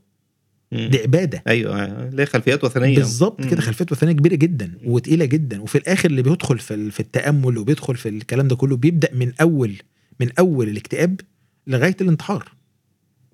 يعني بيبدأ من أول الاكتئاب لغاية الانتحار. ليه؟ لأن هو بيسكت الأفكار كلها من عقله. بيعمل silencing طب معلش هي ليه بيدخل مسألة ال- الاكتئاب والانتحار يعني دي حاجة مشاهدة يعني في حاجة ده في نتائج بكده. في نتائج في بكده؟ نتائج بكده آه, آه. وممكن أبعت لك الدراسات دي وموثقة وكل حاجة وبنسب عالية جدا يعني بتوصل لغاية مثلا الانتحار بنسبة 20% 30% مم. الاكتئاب والكلام ده كله بيوصل 50 60% من الناس اللي هي بتدخل في المجال بتاع ال meditation وتتعمق فيه قوي. في ناس طبعا بتاخده من مم. يعني مثلا زي واحد مثلا خد آه، نظام صحي بس آه، مشي عليه شوية صغيرة. ده مش هتلاقيه خس قوي لكن واحد بقى خد الموضوع بجد. هيخس جامد أيوة. هي الدنيا كده. صحيح. ففي واحد بقى خد ال meditation للآخر هي فكرة ال meditation هي إسكات ال- الأفكار. مم. فكرة ال meditation هي إسكات الأفكار أنا اسكت الأفكار تماما اسكتها تماما فلما بسكتها خالص ممكن تتملي بأي حاجة. مم. أي حاجة. فهنا بقى بتيجي بقى الوساوس. يعني في بعضهم بيقول اللي هم اللي بيعملوا meditation ومتعمقين فيه بيقولوا إحنا بنسمع أصوات. وبتكلمنا كائنات آه، فضائية وبتكلمنا آه، أرواح من آه، كل واحد بقى أحسن ما بيجي له. بتكلمنا أرواح من ك- من عصور مختلفة. طبعا دي الشياطين. أيوه. الجن والشياطين. اشتغلوهم. بتلعب آه بتلعب بعقولهم للأسف. للأسف. وفي كتير منهم لغاية يعني في في حتى حد كان اتكلم عن تجربة لواحدة كانت وصلت بيها لدرجة هي واختها إنها ال- ال- الجن كلمها والشياطين كلمتهم وقالت لهم لو رميتوا نفسكم أنتوا ولادكم من فوق السطح هت هت هت هتنزلوا على الأرض تخشوا الجنة أعوذ بالله آه. فكان كده اللي هو تنتحر مم. يعني كان بيقول لها هي واخواتها وفعلا مسكت ولادهم هما الاثنين مسكوا ولادهم وطلعوا لغاية السطح فوق وكانوا بيرموا نفسهم وجوازاتهم جابوا الشرطة وطلعوا وراهم وبتاع وأنقذوهم في آخر لحظة فاقوا في آخر لحظة مم. فدي قصص كتير كتير موجودة في في أماكن مختلفة مم. واتحكت واتكتبت وكلام من ده ففي الآخر للأسف الشديد ال- يعني واحد من أكتر الناس اللي بتتكلم في المواضيع دي وللأسف واخد شهرة واخد آه، يعني ناس كتير قوي ب- فاكرة إن هو بيتكلم كويس خصوصا إنه بيعرف يدجل يعمل دجل بالدين حد زي أحمد عمار مم. يعني حد زي أحمد عمار أيوة. هو صاحب دكتوراه مش من جامعة اسمها سيدونا دي أصلا ما بت- ما- ما ما بتديش أي حاجة يعني ما- ما بتعملش أي حاجة جامعة كده مجرد اسم كده حطه في ال في ال CV بتاعه على ال websites بتاعته والحاجات دي كلها وأنا راجل متخصص في الطاقة وعلاج الطاقة أنا درست علم نفس ولا هو درس علم نفس ولا درس أي حاجة. وفي الآخر بيوصلك لفكرة إيه بقى إن إحنا مش محتاجين ال- السنة مش محتاجين ال- الكلام ده كله سنة النبي صلى الله عليه وسلم آه، مش محتاجين العبادات العبادات يا جماعة ليها مفهوم مختلف الحج ليه مفهوم مختلف أنت من بيتك تحج. فاللي هو يعني اختراع الأديان وأفكار. بنتكلم في دين مختلف كده. آه اديان مختلفة. طيب طب يا عم نفترض إن هو مش يعني نفترض إن هو ما كفرش والتكفير طبعا مسألة مش سهلة. بس النقطه إن هو بيقول كلام يخليني أنا نفسي أبقى متشكك جدا من ديني أو على الأقل أفصل من كتير من من العبادات. فأنا الدين بتاعي واضح والمنطق واضح والناس دي أصلا بره المنطق والدين. الدور بقى الإنسان إنه إنه يكون لنفسه ثقافة. ودي نقطة مهمة جدا. أكون لنفسي ثقافة. يبقى ليا آه، آه، مرجعية. يبقى ليا حد أنا بسمعه. يعني أنا مثلا أنا على المستوى الشخصي في البيزنس نفسه في من ضمن إخواتنا والأساتذة بتوعنا حد زي الدكتور ايهاب مسلم حد زي آه، دكتور محمد سام خضر زي الدكتور رمزي عبد العزيز أستاذ حسين بكري وحضرتك طبعا ما شاء الله؟ منور الدنيا. يا راجل يا طيب. أنت بعد ما ذكرت ال- الأساتذة دول تقول حضرتي؟ منورين الدنيا دول أساتذتنا آه طبعا استاذنا كلنا أستاذ تامر الشاعر واستاذ عمرو سعد الناس دي آه برضه مش عايز أغفل حد الأستاذ عماد آه والأحبة كلهم. آه كلهم كلهم كلهم الناس دي الواحد وجودهم جنبه وجودهم آه، معاه بيخلي الواحد عنده آه يعني يعني حتى الكلمة دي كنت دايما بقولها إنها نقطة نور فاكر أنا كنت مرة أيوة. مرتين قلتها في لقاءين ورا بعض إنها فعلا نقطة نور في حياتنا حقيقي. فانت وجود الناس الصالحين وجود الناس الناجحين ووجود العلماء بتوعنا ووجود المرجعيات بتاعتنا ودايما اطلاع الإنسان على على دينه. والمصيبة بتاعتنا برضو إن إحنا بكتير مننا مثلا بيقرأ القرآن وهو مش عارف تفسيره. م. طب ما أنا عندي تفسير مثلا مثلا في تفاسير كتير جدا تفسير الميسر لطيف. أنا بحب في أكتر تفسير أنا بحبه اللي هو تفسير الشيخ السعدي مثلا. م. لغته معاصرة جدا راجل توفي رحمه الله ويجزيه عننا خير. متوفي من 50 سنة مثلا. خلاص. فحتى هو ليه كلام عن اليهود وليه كلام عن فلسطين وليه كلام عن يعني بيتكلم قريب إن هم الناس دي عشان كده هم بيعملوا كذا عشان كده بني إسرائيل عشان كده ال- اليهود بيعملوا كذا. تلاقي كلامه بيتكلم على البلاد واضح إن هو شاف الكلام ده. فانت فعندنا تفسير مثلا زي تفسير الشيخ السعدي أنا محتاج إن أنا أقرأ التفسير ده. محتاج أقرأ وأعيد علاقتي بالدين علاقتي بال- بالمرجعيات بتاعتي. ده بيخلي دي بقى النقطة اللي بنتكلم فيها في الوعي في الوعي واللاواعي ده بيخلي اللاواعي بتاعي حكمه على أو استقباله للمعلومة أحسن استقباله أحسن والإطار اللي بيعمله حوالين المعلومة أحسن وبالتالي قراري هيبقى أحسن لأن في قاعدة وبيستند ليها وبيرجع ليها بالظبط. لكن لو أنا من غير قواعد خالص. أو بقواعد دنيوية بحتة أو بقواعد اللي أنا بنيتها من أسرتي وإن ال- الناس كلها فاسدين وإن الناس كلها ضايعين ده مش هيخليني أصلا عندي حيل ولا طاقة إن أنا أقوم م. بالمناسبة الإنسان عنده طاقة في في مخزون للطاقة في مخزون للطاقة عند كل إنسان من أول ما بيصحى لغاية ما بينام. النوم بالمناسبة دي حاجة حتى ال- ال- العلماء في الغرب متخصصين وكده في كتاب حلو جدا في الموضوع ده اسمه قوة الانخراط الكامل The Power of Full Engagement. بيقول إن الإنسان لما بينام في فترة النوم بتاعته دي بيشحن الطاقة بتاعته من النوم. بيشحن اللي هي اللي هي زي البنزين بنزين أيوة. العربية. هو الطاقة بتاعت الإنسان كده. الإنسان بقى مكون من روح وعقل وقلب وجسم. الروح هو علاقته بربنا سبحانه وتعالى وعلاقته الدينية والروحية. والدين اللي هو مؤمن بيه العقل هو اللي الحاجة اللي شاغلة باله. زي مثلا أنا مثلا شغلتي المبيعات وال- والتسويق والإدارة والاستشارات وتأسيس الشركات والكلام ده كله. م. فأنا دي وظيفتي ده عقلي. فأنا الروح وعلاقتي بربنا سبحانه وتعالى عقلي هو الوظيفة بتاعتي القلب هو الحاجات اللي بحبها. زوجتي وولادي وبيتي وإخواتي وأصدقائي وحبايبي وكده. في بقى الجسم اللي هو صحتك وأكلك وشربك ونومك والكلام ده كله. فأنا أكتر حد بيسحب مننا كلنا الطاقة هو إيه؟ هو العقل. الشغل بتاعك ووظيفتك وال... والمجهود اللي بتبذله طول اليوم. الإنسان الشاطر بقى بيشحن عقله من روحه من من من قلبه من جسمه. مش فاهم دي. يعني الإنسان دلوقتي أنا يعني يعني أشحن عقلي من يعني لا تاني. ما أنا هقول لك دلوقتي. الجملة دي معقدة كده. بالظبط. لا لا لا حلو قوي هقول لك. أنا دلوقتي لو أنا لما لما الإنسان يعني برضو حاجة من من من فهمنا لحكمة ربنا سبحانه وتعالى إن الصلاة الصلوات الخمسة متوزعة على اليوم. جميل. ليه مش في وقت واحد؟ تجديد للطاقة تجديد كده. انت للنشاط أصلا بتروح حتى مم. في حديث النبي صلى الله عليه وسلم إنسان بي في نهر يغتسل فيه في, الي- في اليوم خمس مرات.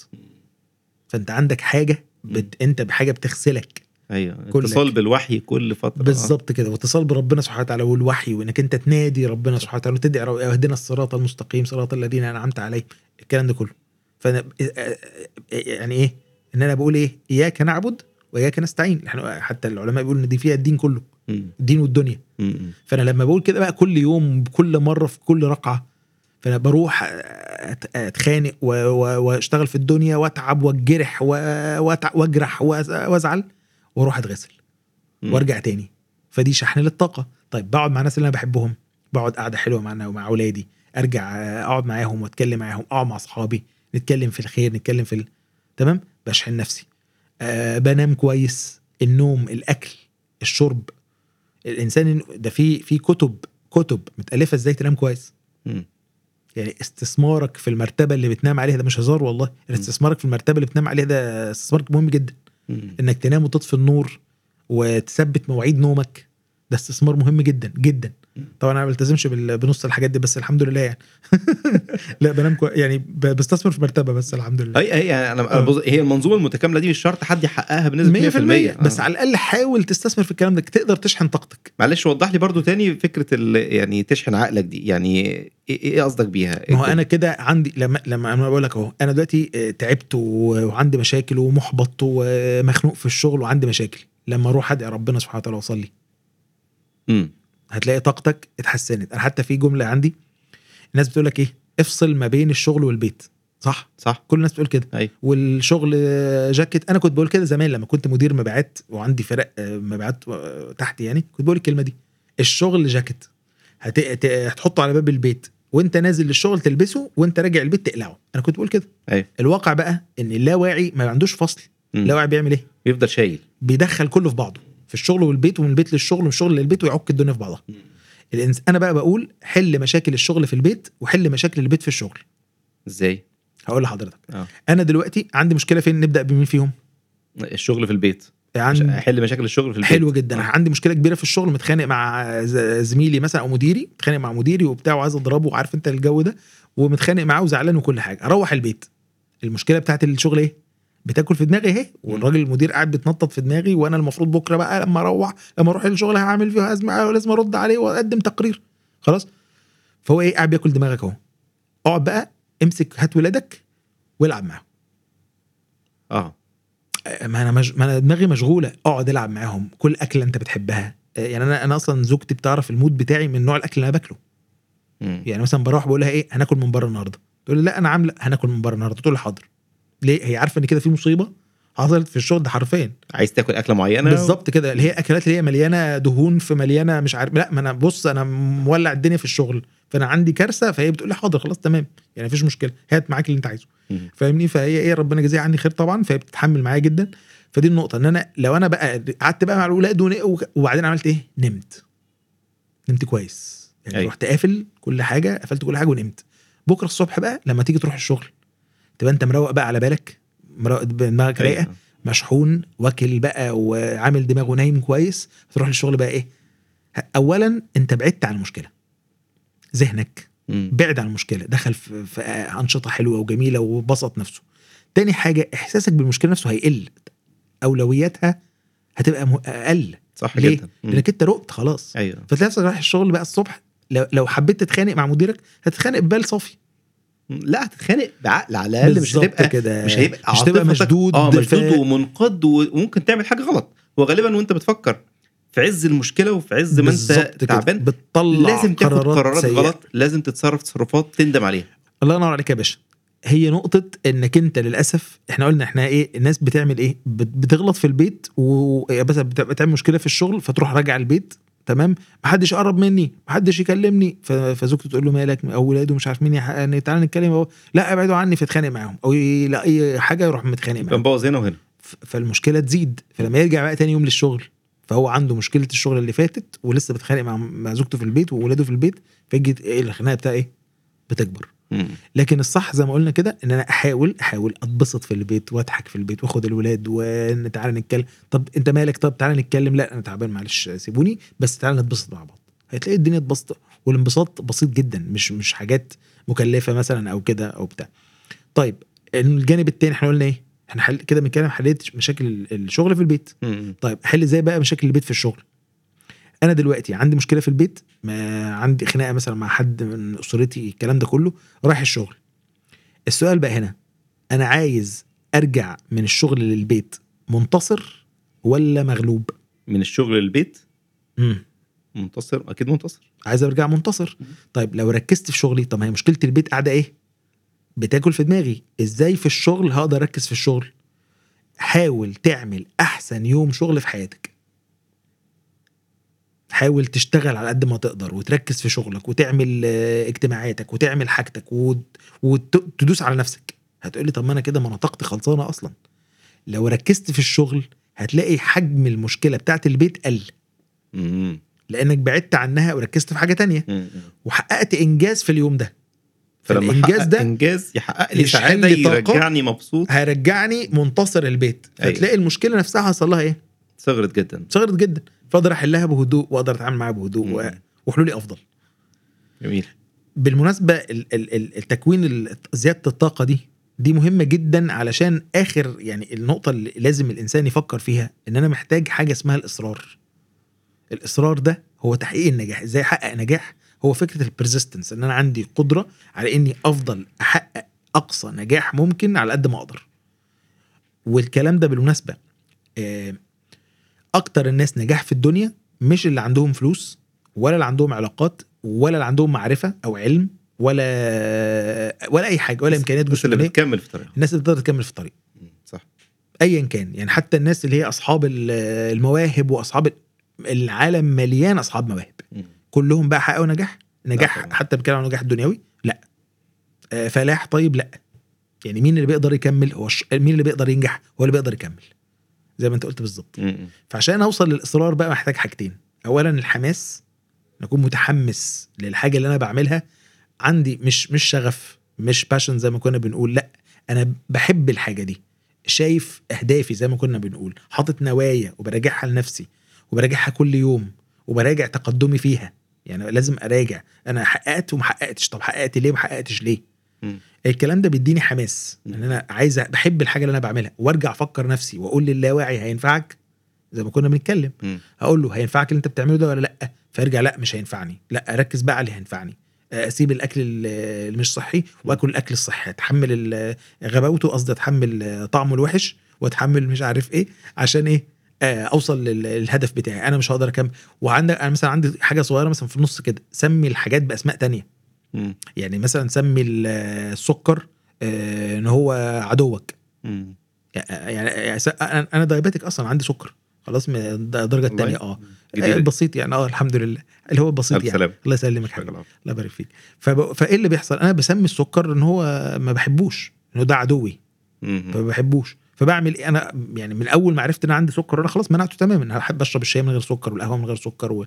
والحاجات دي كلها الحلويات وأقلمت ممكن نفسك إن ده كده. تمام أنا كده مبسوط آه وما بحبوش وبدأت أحب الحاجة بالطعم الأصلي بتاعها من غير أيوة. سكر مم. فدي الفكرة أسمي الأسماء أسمي ال- الرياضة إنها حاجة حلوة آه، أسميها دي أسماء حلوة دي من الحاجات الخدع الصغيرة المخ. اللاواعية. آه، بالمناسبة مش هتكمل الخدع الصغيرة دي مش هتكمل لو أنا مش مقتنع ما أنا برضو لو سميت السكر إن هو سم مثلا وما أنا ممكن أحب السم يعني لو انت مش مقتنع فعلا انك انت محتاج تخس مم. عشان صحتك وعشان جسمك وعشان سنك وعشان هي حيلة. هي حيلة. فالحيلة دي لو ما عرفتش ما عرفتش تكملها أو ما ما ما ظبطتش معاك. اللي هي الإصرار بقى اللي إحنا بنتكلم عليه. بالظبط كده. فلازم يكون عندي أهداف أصلا. أنا حاطط نفسي نوايا إن أنا أحافظ على نفسي إن أنا أتعلم كل يوم كتاب كل يوم أقرأ نص ساعة إن أنا آخد كورس إن أنا أطور من مهاراتي إن أنا لو ما عملتش كده مش هتقدر تعمل حاجة. العقل عامل زي العضلة. العقل عامل زي العضلة لو أيوة. أنا ما زودتش الوزن على العقل مش هقدر أنمو زي ما قالت كارول دويك اللي هي عقلية النمو وعقلية الثبات. لو أنا ما مرنتش الع- العضلة ما حركتهاش ما آمنتش بيها أصلا ما أكلتهاش أكل صحي أو أكل المخ هو المعرفة الإنسان ربنا سبحانه وتعالى خلق العقل عشان يكبر. ربنا خلق العقل عشان يكبر خلق القلب عشان يتملي خلق العضلات عشان تشتغل. فالعقل بيتملي بإيه ويكبر بإيه؟ يكبر بالإيمان برب- ربنا ربنا سبحانه وتعالى. يكبر بال- بالمعرفة إن أطلع على حاجات جديدة إن أنا أتابع وأسمع وأشوف آه، أشوف يعني ربنا سبحانه وتعالى آه، أثنى على أهل العلم وامشوا وارجائها يعني حركة الحركة والخروج بره ال- المنطقة المألوفة بتاعتي ومنطقه الراحة بتاعتي دي من من أساسيات العلم. مم. وأساسيات الدين.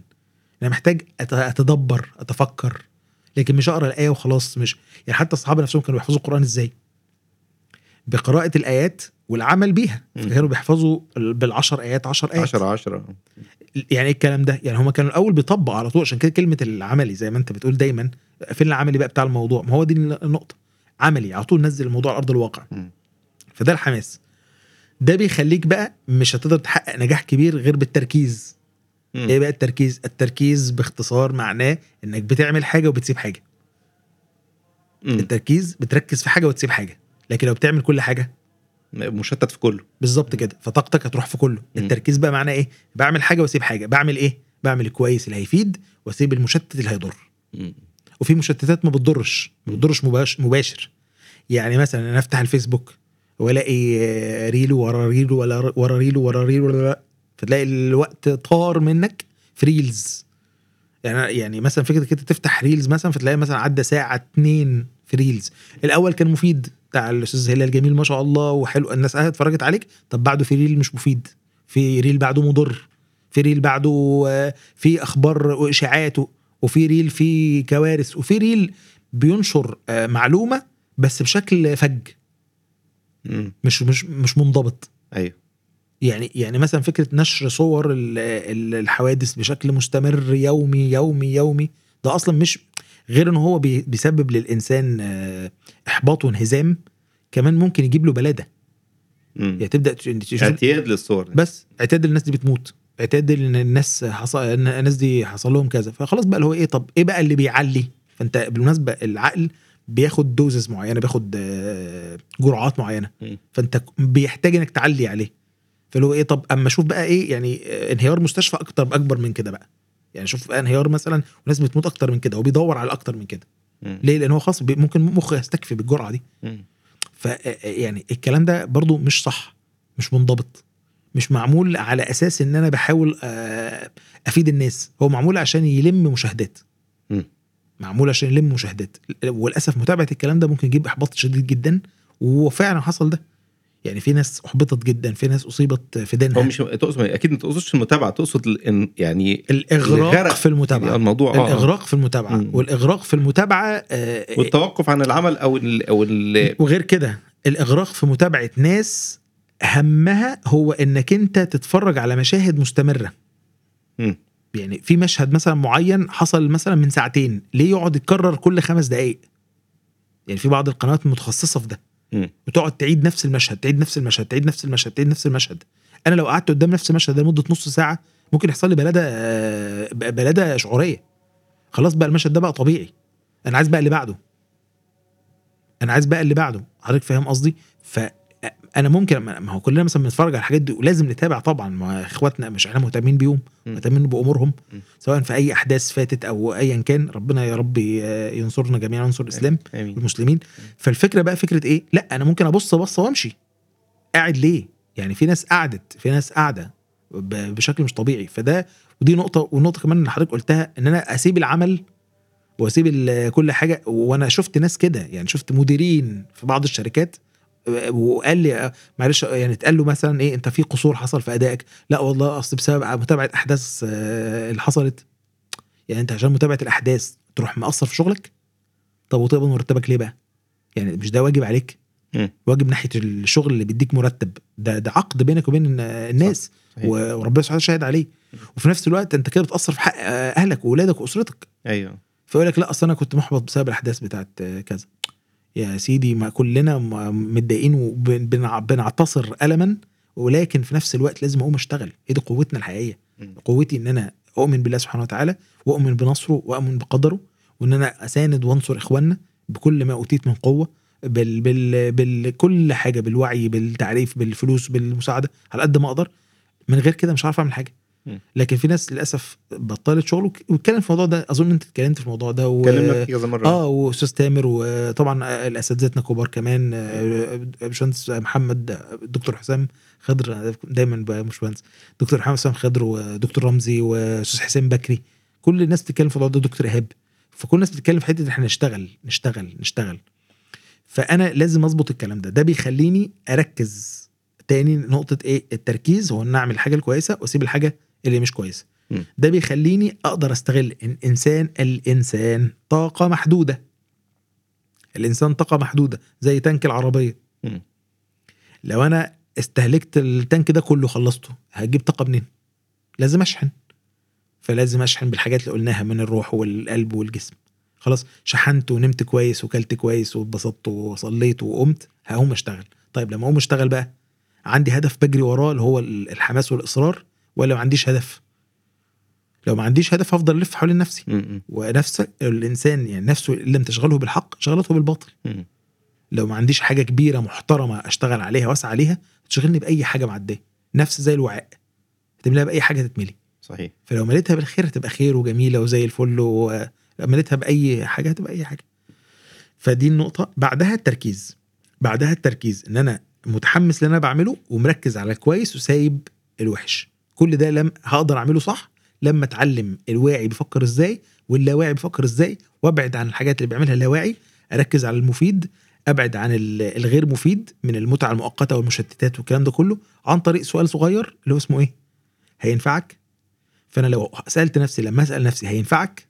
ده بيخليني أفصل من الحاجات ال- المتعة المؤقتة والحاجات دي كلها ويخليني أتحمل الألم المؤقت البسيط ده عشان أوصل للسعادة الطويلة. ممتاز جدا بس هو. في النهاية يعني يعني لو حبيت ألخص الحلقة أيوة. أقول إن عقلية النجاح آه، يعني كلنا محتاجينها عشان هتأثر على جودة حياتنا صحيح. وجودة حياتنا بالمناسبة مش مقصود بيها يعني معانا فلوس كام آه فلوس وعايشين في بيت فاخر ومش عارف جودة الحياة صحيح. جودة الحياة غير كم اللي أنت بتمتلكه دي حاجة ودي حاجة تانية خالص ممكن واحد يمتلك كتير جدا بس دماغه مخليه أتعس إنسان ف... صحيح. فهي الفكرة إن يبقى العقلية دي لو آه، الإنسان امتلك آه، السعي مع الرضا مع ال- التفكير الإيجابي مع الابتعاد عن ال- السلبيات أو صحيح. الأشياء اللي بتضره فدي في صحيح. الآخر إيه منظومة كاملة لإن الحياة تبقى حياة سعيدة. وحياة. مطمئنة يعني حياة طيبة حياة طيبة بالظبط الله ينور عليك الله يبارك فيك حبيبي. حابب تقول أي نصائح في الآخر آه، أنا اتكلمت؟ كتير قوي يعني مع صح؟ أنت كلمت- مش المفروض أنت اللي تتكلم وأنا أسمعك وأتعلم منك يا عم. أنت يا ما معلش تتكلم أنا في اخد؟ وضعي بقى شوية.